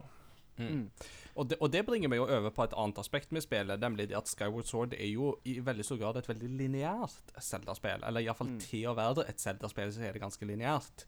Eh, med at du har Skyloft, dette himmelskylandet, som en slags hub for på en måte alt du gjør, og så hopper du jo ned til tre forskjellige lokasjoner eh, nede på landjorda. Nede i Farron Woods, eh, eh, Elden Volcano og Lanira Desert. Og alle de områdene har jo en viss grad av frihet, men de er jo likevel veldig begrensa. Eh, og er jo sånn sett veldig lineært strukturerte med hvor du kan gå eller ikke. Eh, litt sånn Metroidvania-ish med at eh, ja, du kan utforske den plassen litt seinere, men det er veldig tydelig at du har ikke den tingen du trenger nå for å komme deg dit. Eh, og I motsetning til f.eks. spill som Majora's Mask og Twilight Princess og ikke minst Wind Waker, som i veldig stor grad lar deg utforske veldig fritt, selv om det kun er en plass du kan gå for å gå videre i historien, Mm, mm. så føles de langt mer, mer åpne, da. Mens her så kjører de jo en litt annen strategi. Og for veldig mange så er jo dette et ankepunkt uh, for spillet, med at det er jo noe de ikke liker. Men for min del så følte jeg aldri det som et veldig stort problem da jeg spilte det. Fordi at eh, jeg syns alltid det var spennende å komme til et nytt område og se hva det stedet Mm. hadde å by på. Og alle de plassene er veldig Jeg syns jo alle plassene er veldig stemningsfulle på sine måter. mm. Eh, jeg har jo særlig sansen for Lanira Desert, Mm. som jo har denne her eh, skiftinga mellom med at du slår på det som de kaller for timestones, og så får du et begrensa circumference, nei, radius rundt, som basically hopper tilbake i tid og viser ør- ørkenen mens den var grønn og frodig. Mm. Og så må du jo bruke dette til å løse puzzles og komme deg fram og sånne ting. Og det skiftet der mellom den grønne, frodige fortid og den øde nåtid skaper en sånn melankoli som er veldig stemningsfull og unik, altså. Mm. Eh, Det det at du akkurat skulle nevne det, for jeg mener òg det er en av de mest minneverdige seksjonene i et Zelda-spill. Punktum. Altså, det er bare det at du har den muligheten. Du har liksom, Vi har ikke sett den før, og vi har ikke sett den etterpå. Vi har hatt uh, I A Link to the Past har du hatt to forskjellige liksom, layers av Overworld og Overworld og Underworld. Og i Mhm. Ocarina of Time så hadde du jo før og uh, Altså du hadde Young Link og Adult Link, uh, hvor Mm. du så disse endringene. Men vi har aldri sett endringene i real time. liksom skje Mm. At du, du påvirker landet rundt deg. eh, og og disse robotene som jobber der, og måten de snakker med Fi på og, altså, ting, det, ja, det, det er noe helt liksom særegent med det der. Og det er liksom en av de punktene jeg tenker på med en gang jeg tenker på Skyward Sword. Bare, ok, ja, det, Mm. da har det Lanairu mining-området, som er det, det er veldig imponerende. Så tenker du at det der, var på Vi. Mm. Ik ikke bare på Vi, men på Vi på en, på en maskin som ikke hadde internlagring, eh, eller Mm. ikke lasta spillet over på internlagringa. Han gjør ganske mye med begrensa ressurser. Altså, Mhm. det, det er R&D-teamet til Nintendo som- som har å takke for at det, det Ja. der er så teknisk imponerende som det. Mm, Og- og- og absolutt. det, det spillet lider ikke av det heller. Det, du du Nei. mister ikke noen frames av det. eller noe sånt. Altså, det, det er balansert på en måte som er Mm. veldig veldig imponerende. Det er ganske imponerende, for at de nå, akkurat nå så har du jo sånne spill som Disorder 2, for eksempel, som jo liksom skifter mellom to sfærer i den mansionen. Du har eh, eh, Titanfall 2, som også skifter mellom liksom nåtid og fortid og sånt. Og vi har jo også sett det kommende Ratchet and Clank-spelet, der du liksom switcher mellom dimensjoner ganske simultant, og de Mm. snakker om dette med null lastetider og sånne ting. Men som du sier, Skyward Sword, der ser vi på en måte hvordan dette er en idé som allerede begynte på den tida der, på en ganske mye mer begrensa konsoll. Så ja, det er en teknisk bragd, det det der, altså. Ingen tvil. Mm. Jeg syns jo eh, Det jeg syns For å fortsette litt der dere Eller eh, Ja, for jeg kan ta det jeg hadde tenkt å si etterpå. Men eh, det jeg syns eh, Jeg beit meg veldig merke til når jeg spilte spillet første gang, var at jeg syns at det var en kul løsning av den der klassiske eh, skog, eh, fjell og ørken. At de klarte å liksom gjøre noe litt nytt med det. At det var liksom Fjellbiten var liksom full av lava, og det var liksom Det var ikke bare oppå et fjell eller vulkan, eller Det er jo alltid, nesten alltid en vulkan, men at det, du eh, fikk til det, og at ørkenen hadde det der tidsgreiene med seg, som jeg syns var superkult. Eh, mm. og at skogen føles også på en måte heller ikke som de andre skogene. på en måte Den eh, eh, Ja. Jeg synes det var Det skal jeg synes var veldig tøft. Og selvfølgelig det her eh, Timestone-opplegget. Eh, Mm. jeg, eh, for å snakke litt om at det er lineært, da. Jeg, når jeg spilte det nå igjen, så merka jeg at eh, at eh, jeg elsker lineære Zelda-spill. Jeg syns Breath of the Wild er et kjempe, kjempebra spill, men, men jeg er jo eh, Du vet jo sikkert ikke det her, eh, Anders, men eh, jeg er ikke sånn superglad i, i open world-spill i utgangspunktet. Jeg, spil, jeg har spilt veldig lite sånne spill, men eh, jeg, jeg merka bare at jeg savna det, og tenkte ehm, En mellomting mellom det her og Breath of the Wild hadde vært veldig gøy å se. Ja. For det at eh, lineære spill var jo lineære pga. begrensning, men da har ikke jeg sett hva de hadde gjort med et veldig eh, Hva Nintendo kunne gjort med et lineært spill uten at det var pga. begrensninger, men fordi at det er en, spill, en stil å lage spill i, da.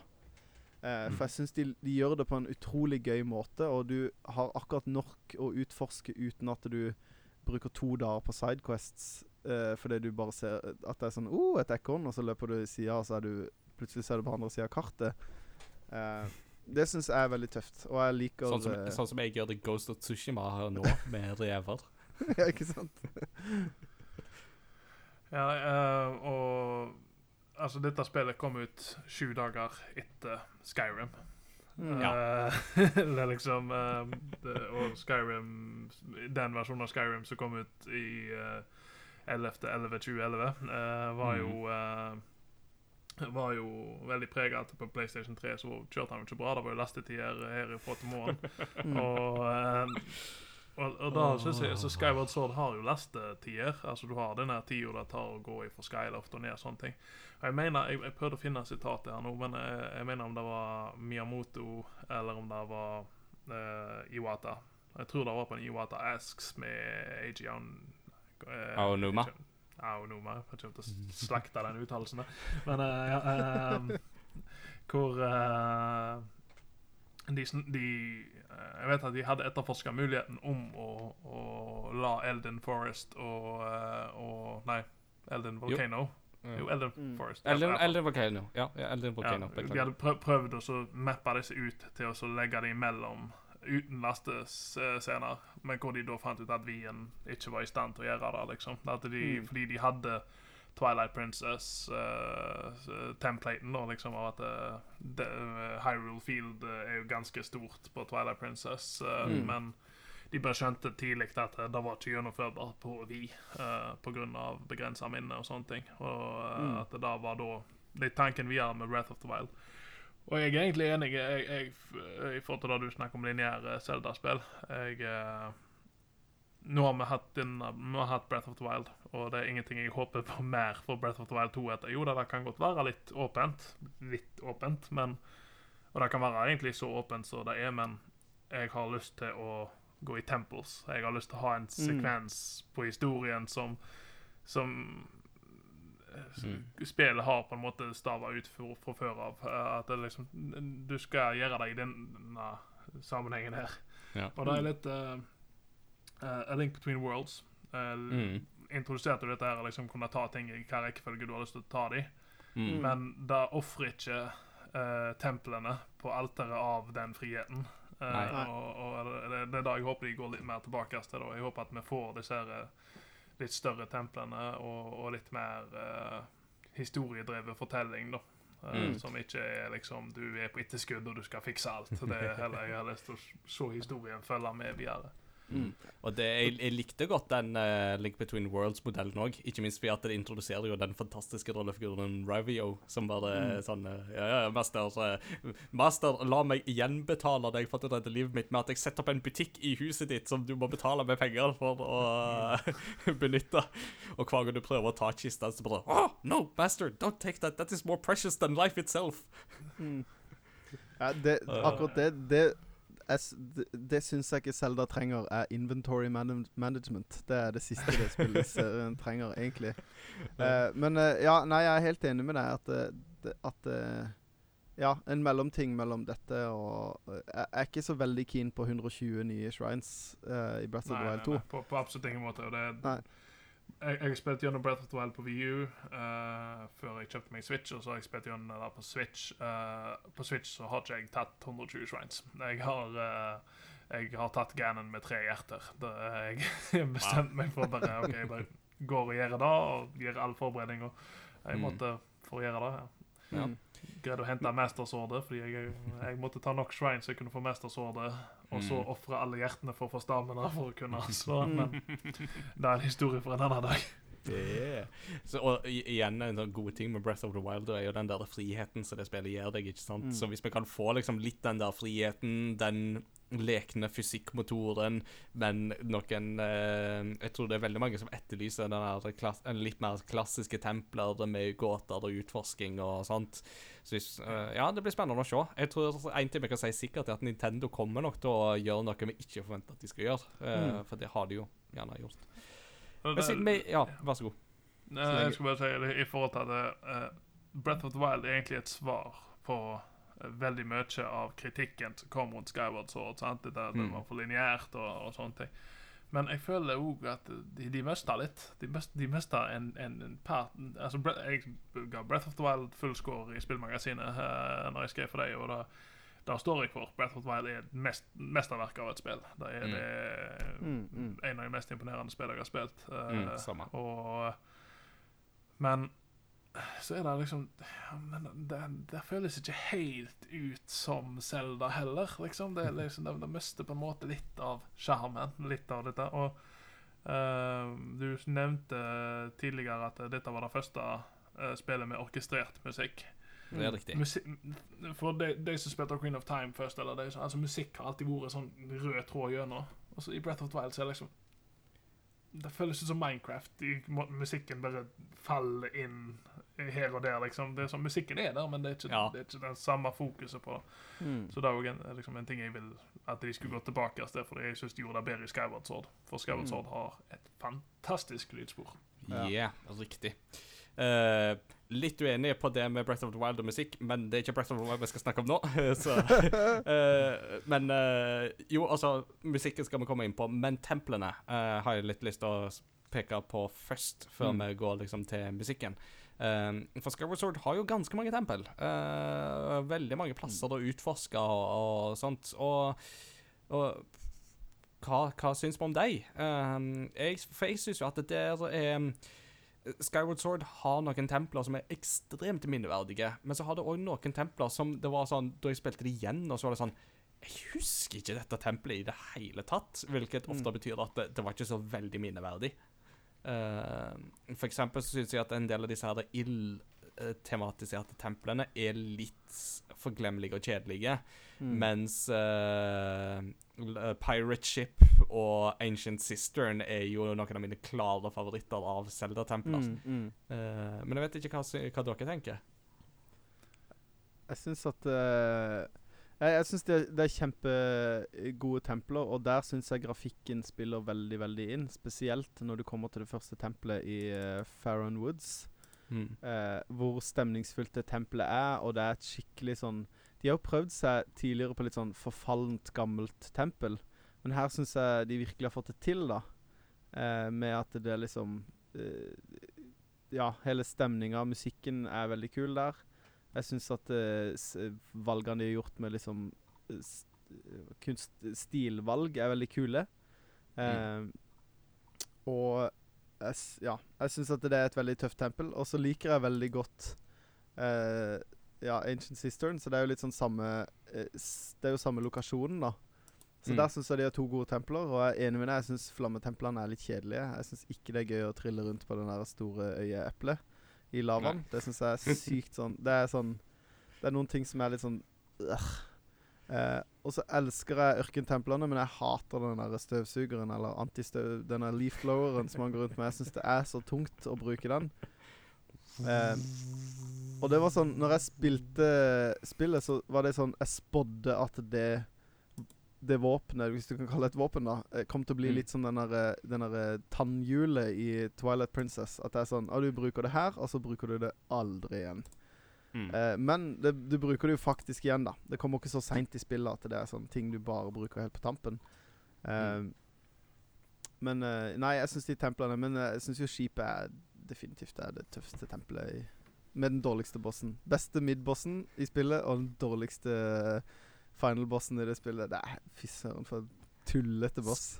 Scurvio er jo den beste middelbossen of all time. En Ja, ja, er sjørøverkaptein som bare står fremst på båten og har bare venta på en verdig motstander.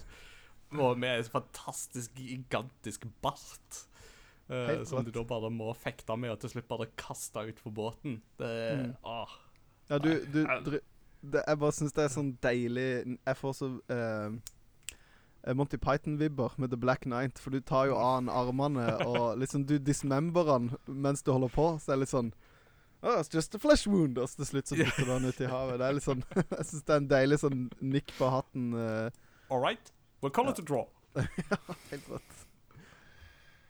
Ja, altså, jeg, eh, jeg er enig i veldig mye av hva du sier. Uh, det, jeg vet ikke om noen har nevnt Skyview Temple, eh, som er vel det, første i, på selve questen uh, Mm. som du er på. Mm. Eh, den jeg- Når jeg spilte dem, så de er litt keitete, noen av disse dungeonene. Det er litt sånn, det er et eller annet som de, de flyter ikke like godt som det i, i de tidligere 3D. eh, og da egentlig jeg, Når jeg si det, som en jeg det på Nintendo 64. Fordi jeg, Mm. jeg, en av klagene mine på Wind Waker er jo at jeg, jeg syns ikke templene der er like sterke som, som de har vært i andre spill. Men det har litt Mm. med hva du vokste opp med og sånne ting å, gjøre. Mm. Men liksom, den største tingen som på en måte eh, ødelegger litt for meg, da, er, er- en ting som jeg trodde i løpet av de åtte årene som gikk mellom første gangen jeg spilte det og andre gangen jeg spilte det, uh, var liksom at jeg tenkte ja, kampen mot The Imprisoned den er skikkelig eh, fæl, og den er du Ja. borti mange ganger. Men Tre er- ganger. Du er borti den tre ganger, men tre ganger er nok. ja, Når- den er hvis du feiler den, så er det jo helt tilbake til start. Altså, Mm. du, du må gjøre den hele uh, på nytt igjen, om, igjen, om, om og om igjen. Og da syns jeg liksom den største streken i regninga for spillet er liksom den, den kampen der. De, de Mm. kunne funnet på noe annet der. De, hvorfor må du tilbake til den der greia og gjøre den? Selvfølgelig han, De upper jo antien for hver gang du møter han. Det, Mm. de, nye taktikker du må bruke og sånne ting, men de er fortsatt bør gå og hogge av anterner, liksom. Og det er, det, for, for meg så er den, den er litt ødeleggende. Ja. Jeg, jeg, jeg ser den, men det er en veldig viktig grunn til at vi må ta den tre ganger. Og det er for at Gruce skal jo få komme fram og lage Ja. The Grucenator. ja, det er helt rått. Katapultmekanismen hans. Det var jo Jeg, jeg nevnte det òg i en retrospillsamling, men jeg, jeg hadde jo helt glemt den ene sekvensen da du skal hoppe ned igjen til oh, The Sacred oh. Grounds, og plutselig, mens du er i lufta, så bare hører du et eller annet opp i lufta, så ser Link opp, og så kommer Groose ah! Fyker det ned på deg, og det trynet på Link når han bare ser Groose. er bare sånn helt, helt fantastisk. Det er sånn Ja, det er helt rått. For meg så er det sånn, det er sånn humor som er helt oppe i min gate, altså. Det er Mm. helt nydelig. Det er Det- litt sånn uh, Miyazaki, Studio Ghibli Ja, ja, det er noe sånt der. over det, det, Ja, ja, ja, så Mm. absolutt. Det er noe erkejapansk ved det som jeg liker veldig godt. Uh, hvilket minner meg på noen andre jeg skal snakke om uh, etterpå. Eh, men um, i forhold til det med templer og sånt, så Pirate Ship syns jeg er veldig kul, bare fordi at det, det er et utrolig bra designa tempel. Altså, det er en båt som du på en måte Du ser hele tida hvor du er på båten, og hele designet passer bare med at ja, du får plass til alt dette om bord i denne båten. Den er dimensjonert for, for alt det, pluss at eh, med reise mellom tider har de løst veldig bra, og en bra middelboss. Eh, men jeg har jo òg veldig sansen for Ancient Cistern, uh, dette andre tempelet i Farron Woods. Um, litt fordi at jeg syns at det tempelet spiller en veldig bra dualisme mellom uh, en oververden og en underverden. For at eh, når du kommer inn i tempelet, så er det jo der renner det vann. Det er en slags sånn, nærmest en gigantisk buddha-statue i midten av det tempelet. Det er en veldig sånn indokinesisk inspirasjon. Veldig sånn ja. til på en måte gammel kambodsjansk eh, Mm. thai-inspirasjon som du ikke ser veldig ofte i spill, altså. Som jeg syns er veldig kult at de har en veldig Mm, gjennomført stil med lotuser og, og sånt òg.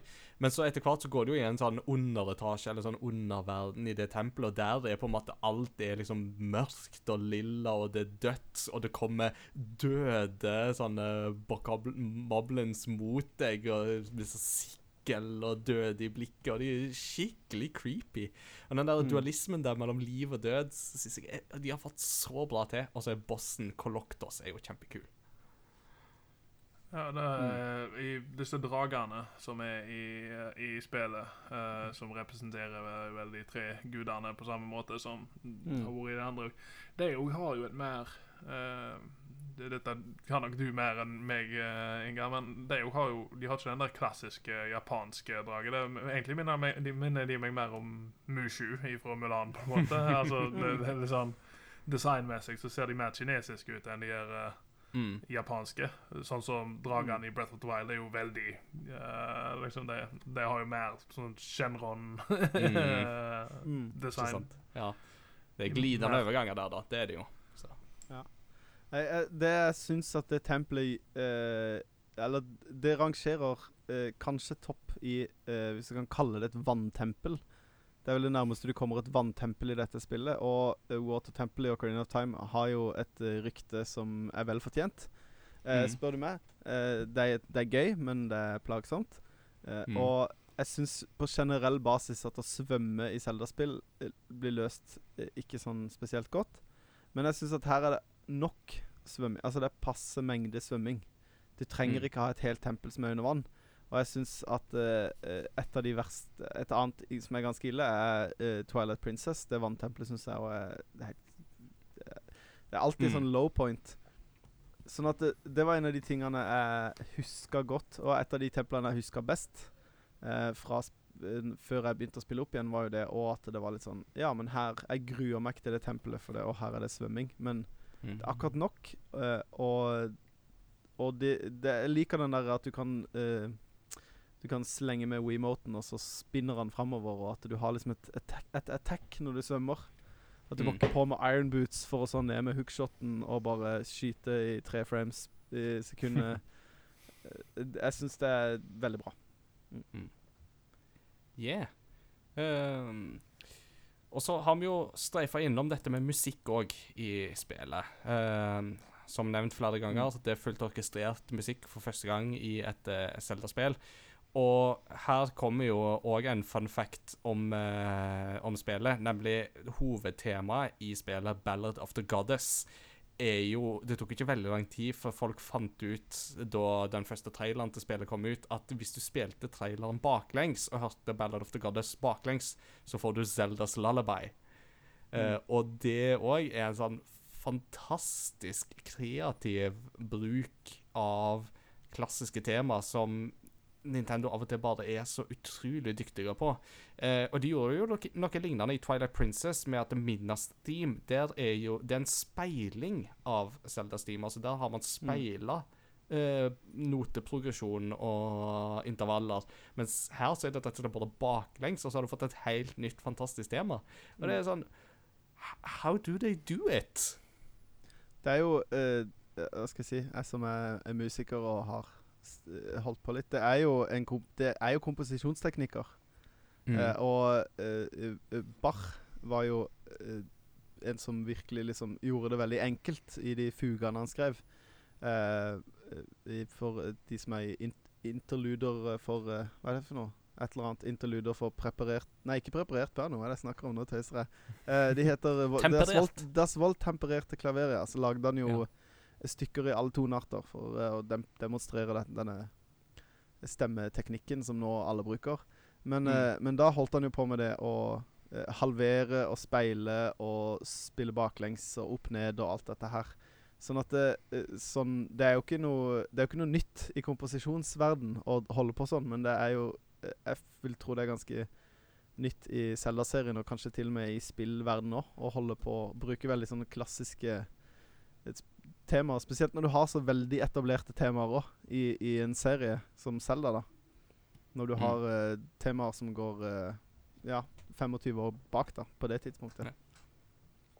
Jeg var veldig sånn i, i, i tvil om hva eh, postludium jeg skulle velge. uh, og det er For har det, I musikken så er det veldig mye Uh, I musikken til Skyward Sword spesifikt så er det veldig mye som på en måte Du kan hø nesten høre introduksjonen til den aller første den overworld team du, du, du, du, du, du. Men det er liksom Mm. bare sånn de stopper akkurat kort Mm. over gjennom historien, liksom, fordi du er ikke kommet til det punktet. Du er ikke legenden ennå. Liksom, de, de stopper det kort av der du, Mm. du, du hører Det er sånn eh, eh, Hva er det for sånn motivs, på en måte. Så Mm. det går, du, du hører liksom at OK, det, du er nesten der, men du er ikke helt framme ennå. Ja. Og um, um, Men den første gangen jeg hørte Ballad of the Goddess, var vel Var det på E E3 2010? Mm. Eller om det var 2011, så hadde de Nei, det var- det var på 25-årsjubileet, som må være i 2011. Mm. Hvor de hadde en sånn medley som de spilte. Mm. uh, så gikk gjennom Riktig. alt, eller, eller veldig mye av musikken til Zelda. Og så slutter de med Ballad of the Goddess. Og bare da øyeblikket var liksom uh, sånn OK.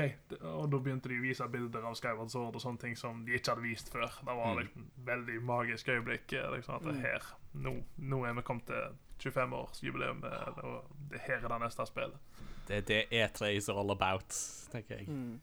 Eh, eh, jeg syns det er litt sånn gøy det du nevner, det med eh, det der med hvordan du aner elementer av temaer, ikke sant? Og så blir noen av de blir jo etter hvert introdusert i sin fulle mm, helhet, sånn som vi kjenner de, og, og sånt. Uh, og min umiddelbare assosiasjoneffekt da er jo um, Bond-filmen um, Casino Royale.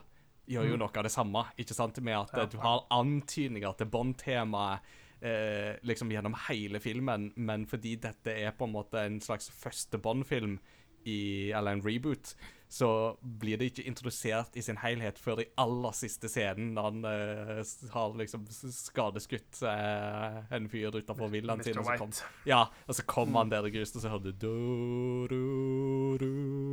Og det var sånn Yes, der kom det endelig i sin helhet. Og så kommer rulleteksten. Mm. Eh, og det er sånn så, sånn, sånn, sånn lager du um, god origin story-musikk, tenker jeg. Mm. Det uh, eh, Ja, de, ba, bare for å begynne med det. De tra jeg syns jo de har truffet spikeren på hodet eh, med musikken i det spillet her. Eh, fordi at musikken forteller jo eh, mye av eh, historien.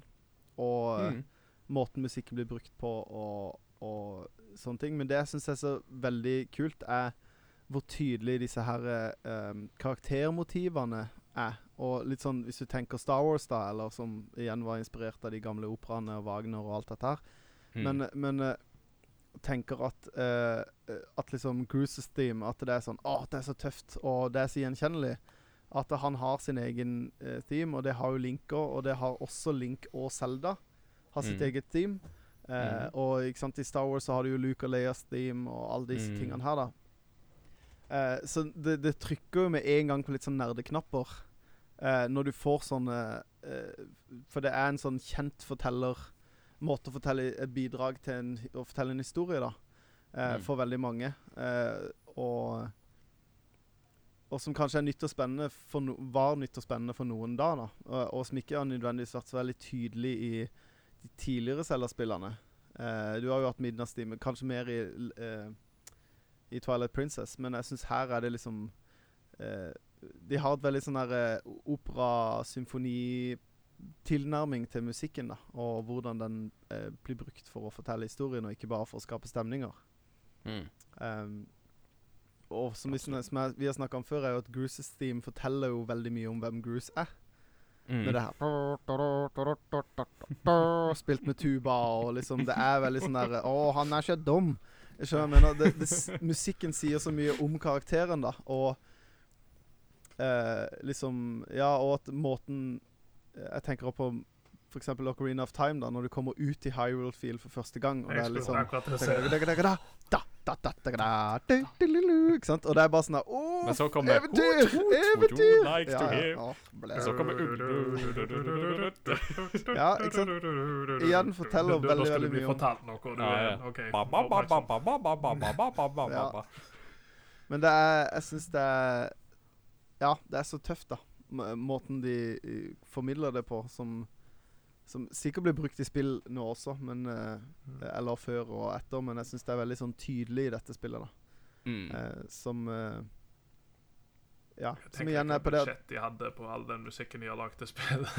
liksom, det, det, det, det hvor, hvor mange komponister var det? Fire komponister, Fire og komponister. jeg har en eh, YouTube-video med liksom alle låtene liksom i ett, ett, og det er jo på seks timer eller noe sånt, så det er jo Ja, eh, ganske men- mye. men, eh. Ja, for det, de, det er jo Koji Kondo som har skrevet opprinnelig musikken, er det ikke det?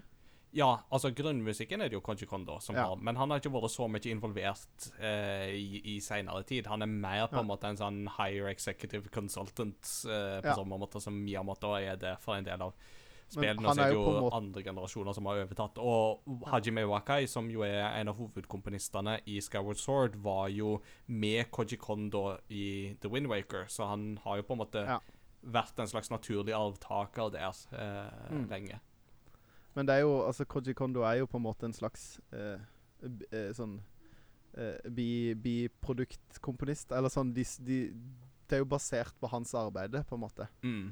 Eh, Sånn at eh, jo, Han er ikke komponist, men han er jo på en måte det. Ja da, han er fortsatt gudfaderen som uh, Han, han har lagt, grunnla lagt grunnlaget for alt det her. Mm. Ikke sant. Mm.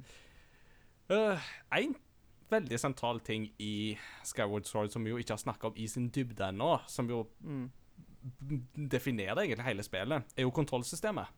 Ja. Uh, Skyward Sword krevde ikke bare at du hadde en Wii-kontroll, men du måtte ha en Wii-kontroll som støtta Motion Plus. Denne ekstra duppeditten som du enten kunne da kjøpe og klikke på enden av WeMote, eller som du kunne kjøpe dedikerte WeMotes som hadde den innebygga.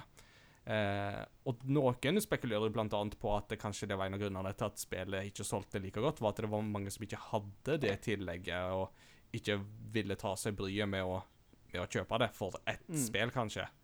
Eh, men Motion Plus gir jo en mer presis eh, bruk av uh, WeMoten, som minner mer om den du på en måte finner igjen i eh, PlayStation Move eller med joycons, så lenge joycons ikke drifter. Um, Mm.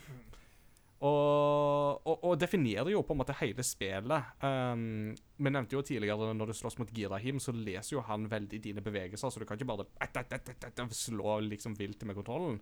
Du må Mm. planlegge i detalj hvordan du skal holde konsollen, og så må du på en måte finte og slå en annen retning og, og sånt. Og veldig mange fiender krever jo at du slår veldig presist med slagene og på skrått eller horisontalt eller hvordan det nå enn er. Eller stabbe, for den saks skyld. Mm. Eh, hvordan opplevde dere det å spille med dette kontrollsystemet igjen nå? Nei, jeg, jeg, jeg syns det var frustrerende da, og jeg syns det er frustrerende nå. Uh, for å si det enkelt. Det ehm, Jeg skulle på en måte de, Når jeg satt med det der og da, så på en måte skulle jeg ønske at det var eh, bedre enn det var. Eller jeg håpte og trodde det skulle være bedre enn det var. Fordi at jeg merka at mot slutten av spillet så satt jeg på en måte Ble det litt sånn wee-waggle eh, på slutten da òg. At jeg på en måte satt og vifta litt, og så eh, hadde jeg så mye hjerter at det gjorde ikke noe om jeg traff uh, strømgreia til den ene fienden. Altså jeg, eh, For det er, det er pres, Som du sa, det er mer presist, men er, jeg syns ikke det er presist nok til at Mm. eh, det, Og det er en av hovedgrunnene til at jeg vil ha en remake, er for å få noe som er presist nok. Som er Det er liksom Du Sverdet går faktisk akkurat der eh, du vil at det skal gå, og eh, Ja. Men man lærer jo etter hvert når man spiller spillet. Jeg syns den første kampen med Girøym er beyond frustrating. Uh, fordi at det føles som at det skulle ha vært en læringskurve som ikke har vært der. Mm. For det føles som at han forventer mer av det enn det spillet allerede har lært deg. da. Mm. Uh, ja. Anders? Jeg, eh, jeg er enig i at det føltes frustrerende ut når jeg spilte første gangen, eh, og jeg hadde problemer med den. Men eh, som dere ser bak meg nå, det er jo en lydpodkast, så det er oversett veldig dårlig. Men jeg har ei loftstove med ganske gode fortrekksgardiner, og det er ganske mørk plass. eh. Så nå når jeg spilte gjennom det i romjula, så var det her jeg spilte, og eh, da var det Han var akkurat så presis jeg ville ha han. Eh, Og jeg kjempa ikke mot kontrollene i det hele tatt. Jeg følte det, det gled som bare juling. Mm. Og spesielt når jeg kom mot slutten. Uh, Demise krever jo ganske mye av deg uh, i, i fektinga. At du er veldig presis og sånne ting. Hvor, hvor uh, Når jeg spilte første gangen Jeg, klarte, jeg husker jeg klarte aldri å få den der skjoldpareringa til å skje. For jeg vet ikke om vi må, Mm. på en måte ikke registrerte at jeg hadde den ene før den andre, eller et eller annet sånt pga. avstanden i forhold til infrarød og sånne ting. Men jeg, jeg eh, har med den Jeg, jeg følte jeg briljerte i den kampen. Jeg hadde mye mer kontroll på hva jeg holdt på med. Mhm. Og jeg husker når jeg spilte gjennom den første gangen og 100 av det, så var kontrolleren liksom det største hinderet for at jeg skulle klare 100 av, For det, det er noen sånne Thunder Dragons Challenge Ja. eh, Riktig. som du må gjøre, og de eh, er ganske krevende. Eh, Mm. Og jeg husker hvor jeg, jeg hadde lyst til å gi opp ganske ofte eh, grunn av at jeg følte at kontrollerne kjempa imot meg. Mm. Men eh, nå er det sånn at jeg tenker at jeg, jeg kunne sikkert godt gjort den, og klart den ganske greit, liksom, i forhold til hvor, hvor uh, godt jeg syns kontrollene satt nå. Ja. Om VU-en hjelper noe der, det vet jeg ikke. Eh, jeg tror ikke det. Han er, det er jo bare en emulering av Vi-spillet. Mm. Og det er jo bare en sensor bare som er kobla til. Men uh, et eller annet gjorde et eller annet iallfall bedre på VU, eller settingen jeg spilte i, som gjorde at jeg, Mm. jeg følte kontrolleren ikke var så uh, catete som jeg uh, opprinnelig syntes han var. Og, og jeg vil definitivt påstå at practice makes perfect her, altså. For at uh, da jeg spilte det først i 2011, så fikk jeg ikke tatt så mye av den Thunder Dragons uh, challenge som du nevner, som jo annet inkluderer en boss rush-modus med at du skal ta alle bossene uten healing items. Eh, og det er jo den måten du får Hylian Shield på, for eksempel. Eh, Mm. på en litt teit måte, fordi at det er liksom det åttende premien av totalt ni utfordringer, og du må liksom slutte på den åttende for å få det skjoldet. Du får ikke alle ni premiene når du har klart det, så, det synes jeg, var, så jeg måtte jo ta dette to ganger, for jeg skjønte jo ikke det.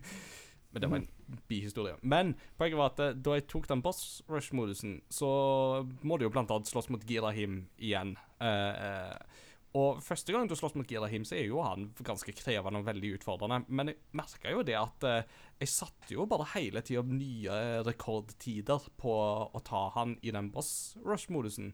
Og følte jo bare det at etter hvert så var det, jeg fikk en stadig bedre oppfattelse av hvordan jeg skulle bruke kontrollen og bruke systemet og sånt. Og rett og slett bare med at eh, med mer trening så gikk det faktisk bedre, altså. Mm. Uh, så um, så, så, så ja. jeg forstår de som blir frustrerte av kontrollsystemet. Og jeg er helt enig i at uh, ved, ved en eventuelt ny versjon så må jo et presist kontrollsystem være på plass på en eller annen måte. Og det er òg en av de største hindringene i å gjenskape dette spillet, er jo det at det er så avhengig av den Motion Plus-kontrollmekanikken. Men jeg følte likevel at det, det er et system her som det går an å få til. Um, jeg må jo òg fortelle en historie her fra mm, samlingene vi har hatt, i forhold til en gang der jeg oppdaget hvor kreativ bruken av uh, Motion Plus faktisk er i dette spillet. Og det var da jeg skulle ta det første tempelet i Fire and Woods, da jeg anmeldte.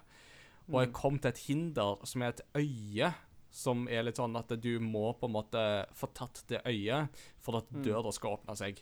Og jeg husker da jeg anmeldte dette her, at jeg satte meg bare helt fast. Jeg skjønte virkelig ikke. Jeg vifta kontrollen fram og tilbake, opp og ned og hele pakka. Jeg ble bare så frustrert, og klokka var blitt seint, så det var bare sånn OK, greit, jeg får bare legge meg, og så får jeg bare ta dette i morgen. Og så mens jeg lå i senga, så var det bare sånn Hva hvis jeg prøver å spinne kontrollen i en sirkel rundt og rundt og rundt? Så det var bare sånn, OK, greit. Så jeg eh, tok på meg eh, pysjbuksa og gikk ut i stua og fyrte opp Wien igjen, og så klunk! Da gikk det. Jeg spinte mm. kontrollen rundt og rundt, og det øyet ble svimmelt og datt ned, og døra åpna seg, og bare sånn oh, This is brilliant! Og da måtte jeg jo ta resten av tempelet den Ja. natta. Selvfølgelig. Jeg hadde samme opplevelse. Jeg satt òg fast der første gang, så jeg husker jo det veldig godt når jeg skulle spille Mm. gjennom nå. At jeg brukte ikke noe tid på det. Men jeg husker Nei. jeg ble frustrert av For det er en sånn hinttavle der. Mm. Jeg vil litt Mm. tilbake på det her uh, handholdinga. Men uh, eh, det er en hinttavle, men den hinttavla er ikke så veldig hintete. Eller sånn, Du skjønner at du skal gjøre et eller annet med sverdet, men den gir deg ikke et konkret hint om hva du skal gjøre. Mm. Men uh, det som fikk meg til å, å begynne å snurre, var jeg begynte å tenke på de øyene i Mario 64 som du må løpe rundt og rundt. Ah! Det var sånn jeg- det var sånn jeg kom på det.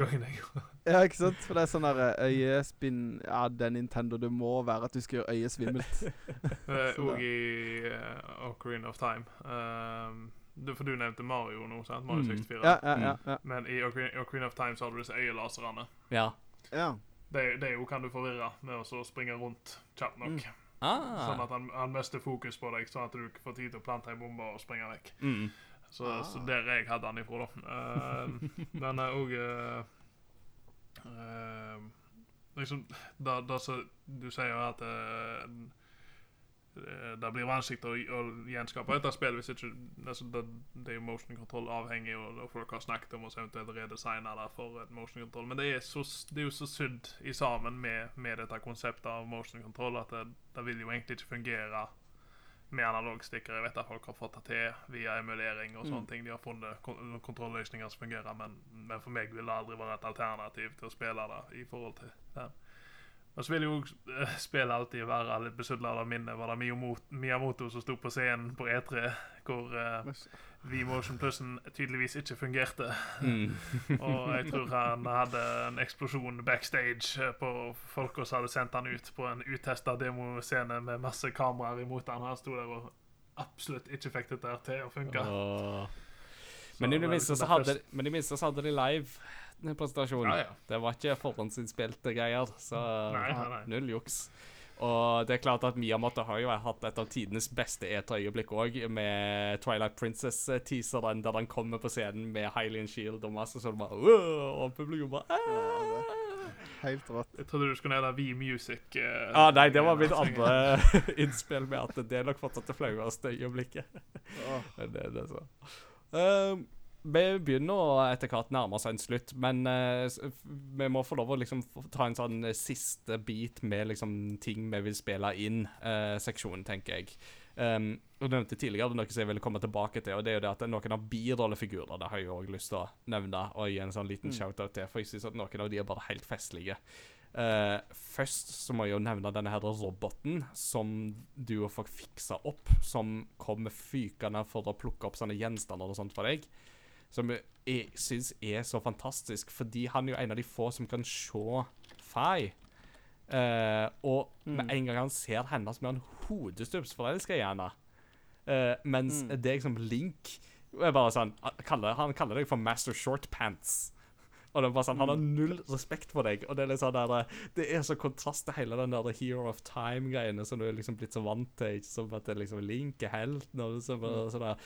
uh, og så kommer der roboten og bare Move away, Master Short Pants, you're in my way. Uh, thank you for calling me Master Fi. I will go to the ends of the world for you. Og, og det er så Han er en festlig, festlig skrue. Og så har du jo eh, han her um, Dette monsteret som har så lyst til å bli til menneske. Jeg husker ikke hva det er. Oh, Betro, ja. Som, og, som òg har fantastisk musikkstykke med det sånn bam, bam, bam, og skikkelig det sånn der Nei, nei, nei, jeg kan forsikre deg om at jeg, jeg, jeg har bare så lyst til å bli menneske. jeg elsker den innledninga til storyen. Altså, du, hvordan er det? Du blir sendt av faren til hun der Ja. jenta for å lete etter hun liksom. Mm, og du, da, liksom, de bygger det opp til at eh, her har det skjedd noe forferdelig. Mm. Og så bare Mm. Nei, nei, hun bare liker han fordi han ser weird ut. Liksom. Ja, altså, ja, men, Å, onkel Link, vi hadde bare 'Hvem kan rope høyest?'-konkurransene. ja, det var det. Ja, ja, nei, det, han er ganske herlig. Jeg, jeg har litt sansen for de her uh, muldvarpene. De der uh, som er litt sånn Heland og Halland uh, Mm. krangle, kranglefanter som er litt uenige med hverandre og Eh, Ja. Jeg syns det er ganske deilig. Men jeg syns også de byr på et ganske Et, et av spillets uh, Det er jo veldig Hva skal jeg si pirkete, men jeg syns det er litt sånn svakt øyeblikk. Eh, de kunne løst det mye bedre når han Når det er det flammetempelet første gang, og du får bombebagen, hvor han er sånn 'Å, jeg mista bombebagen min. Han er der inne.' Og så går du inn, og så uh, slår du noen sånne uh, lizards, og så kommer du ut igjen og sier han 'Å, tusen takk for at du fant han. Uh, du kan bare få han.' Så det er sånn Ja. uh, kunne, Det kunne ikke løst det Altså Det er sånn ja, det er, det er Fetch Quest-game ja. på enkelte øyeblikk. Ja. ah, Det er så, er så syltynt når veldig mye annet er veldig bra. Så Mm. det, det Som sagt, det ble pirkete, men uh, Ja. det var en sånn ting jeg hang meg opp i når jeg spilte det opp igjen nå. Det er jo litt sånn gøy når vi har hatt disse samlingene våre, for at du har jo trukket fram muldvarpfolka, og så har jo jeg trukket fram roboten i Lanira Desert, og så har jo vår trofaste lytter Cheers har jo snakket om Kikkois som sine favoritter, som jo tidenes mest søte små skapninger. Inkludert denne store, svære Kikkoien som ikke bare guttungen min eh, Guttungen min har ei stemme fra Kikwi-fyren, eh, så det, det, det gikk, gikk, gikk, gikk på repeat i romjula.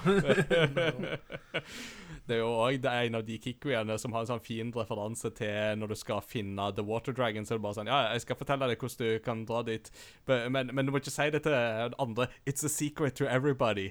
Mm. Da. Og det er jo en klar referanse til det første spillet, som jeg bare syns er så fantastisk callback. Mm. Um, og så har vi jo òg i disse samlingene snakka om disse her eh, som driver den der potion-shoppen. Uh, som er sånn mom and pop-shop, basically.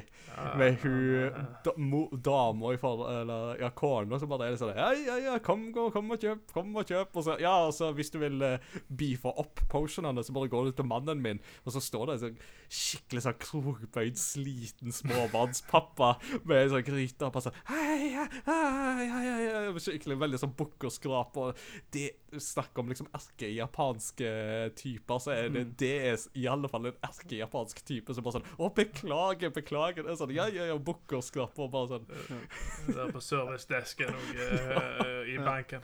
Jeg synes, uh, Ja, som jo blir så stormforelska i Link etter hvert. At det er bare sånn Kan jeg tenke at du bare kom hit for å treffe meg? Og du bare Ja, ja, ja. Det var bare det. Å, jeg visste det! La oss si det, la oss si det.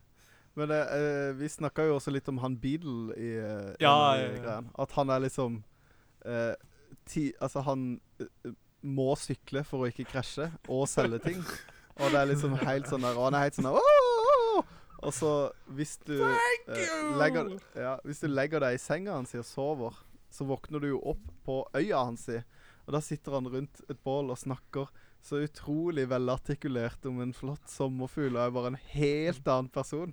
Og det er jo liksom deilig. Han er skikkelig two-faced, men ikke på en sånn Han er jo ikke på en sånn negativ måte. Nei, nei, nei.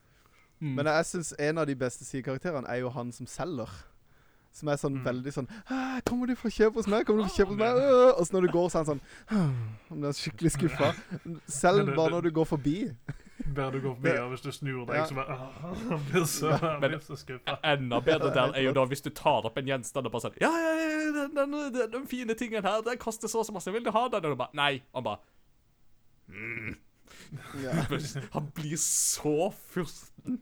Han blir så skikkelig sånn strekmunn og bare sånn mm. Så, Mm. ja, ja, ja, ja, jeg kan forstå det. Ja, ja, det går fint. det går fint. Så, så, men Le- det er ett sekund der så mister han bare maska og blir helt sånn der «Øh, Dumme kunde. Jeg synes så Men- eh, Hun der spå... Han der hun eller han eh, spåpersonen Mm. minner meg så veldig om uh, den der katten i Alice i Eventyrland. Med de svære, blanke øynene og veldig sånn «Hæ, Kom hit! Cheshire. Ja, Cheshire Cat, ja. Uh, um, uh, det er akkurat den der ene sekundet min nå, som du snakker om mm. i den uh, I uh, Majora's Mask, uh, ma maskeselgeren. Ja, Ja. Du har maska, sant? sant? Og så bare Nei. Hva har du gjort? Hva har du gjort? Helt rått. De er flinke på det i Zelda-serien. Ja. Med sånne memorable characters. Absolutt. Mm. Og, og, og det, med denne her mom and pop-shoppen òg, med han uh, pappen uh, der, så jeg syns jo så bra hvordan han har denne ungen på ryggen sin, og ungen bare skriker og skriker, og han bare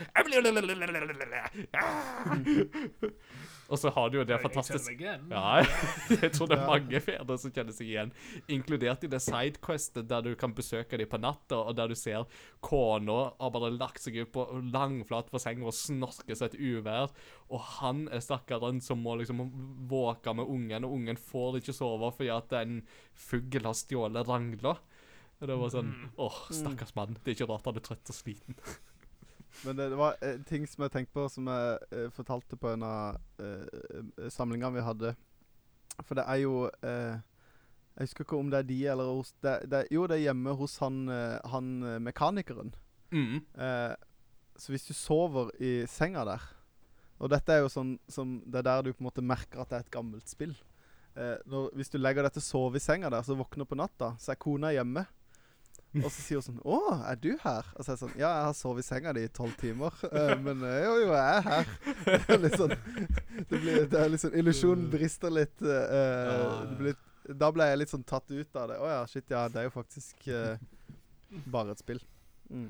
Og så, og så syns jeg jo òg at det er veldig festlig at uh, spøkelset på do gjør dette comeback i Skyward Sword. Uh, som gjør en fin callback til Majora's Mask med den der hånda oppi dassen som bare kommer og bare.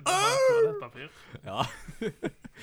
og det fine her er jo at uh, du får jo samme belønninger uansett hva du velger i den questen, men det du jo får, det er jo et kjærlighetsbrev fra en av disse her håndlangerne til Bruce. Mm. Som han vil gi til hun uh, senpaien i eh, på Knights Academy. Mm. ja. uh, og, og så må du jo da velge skal du gi dette brevet til hun uh, sånn at eh, hun kan faktisk ta en informert uh, avgjørelse. Eller skal du gå på do og gi det som toalettpapir til dette stakkars spøkelset.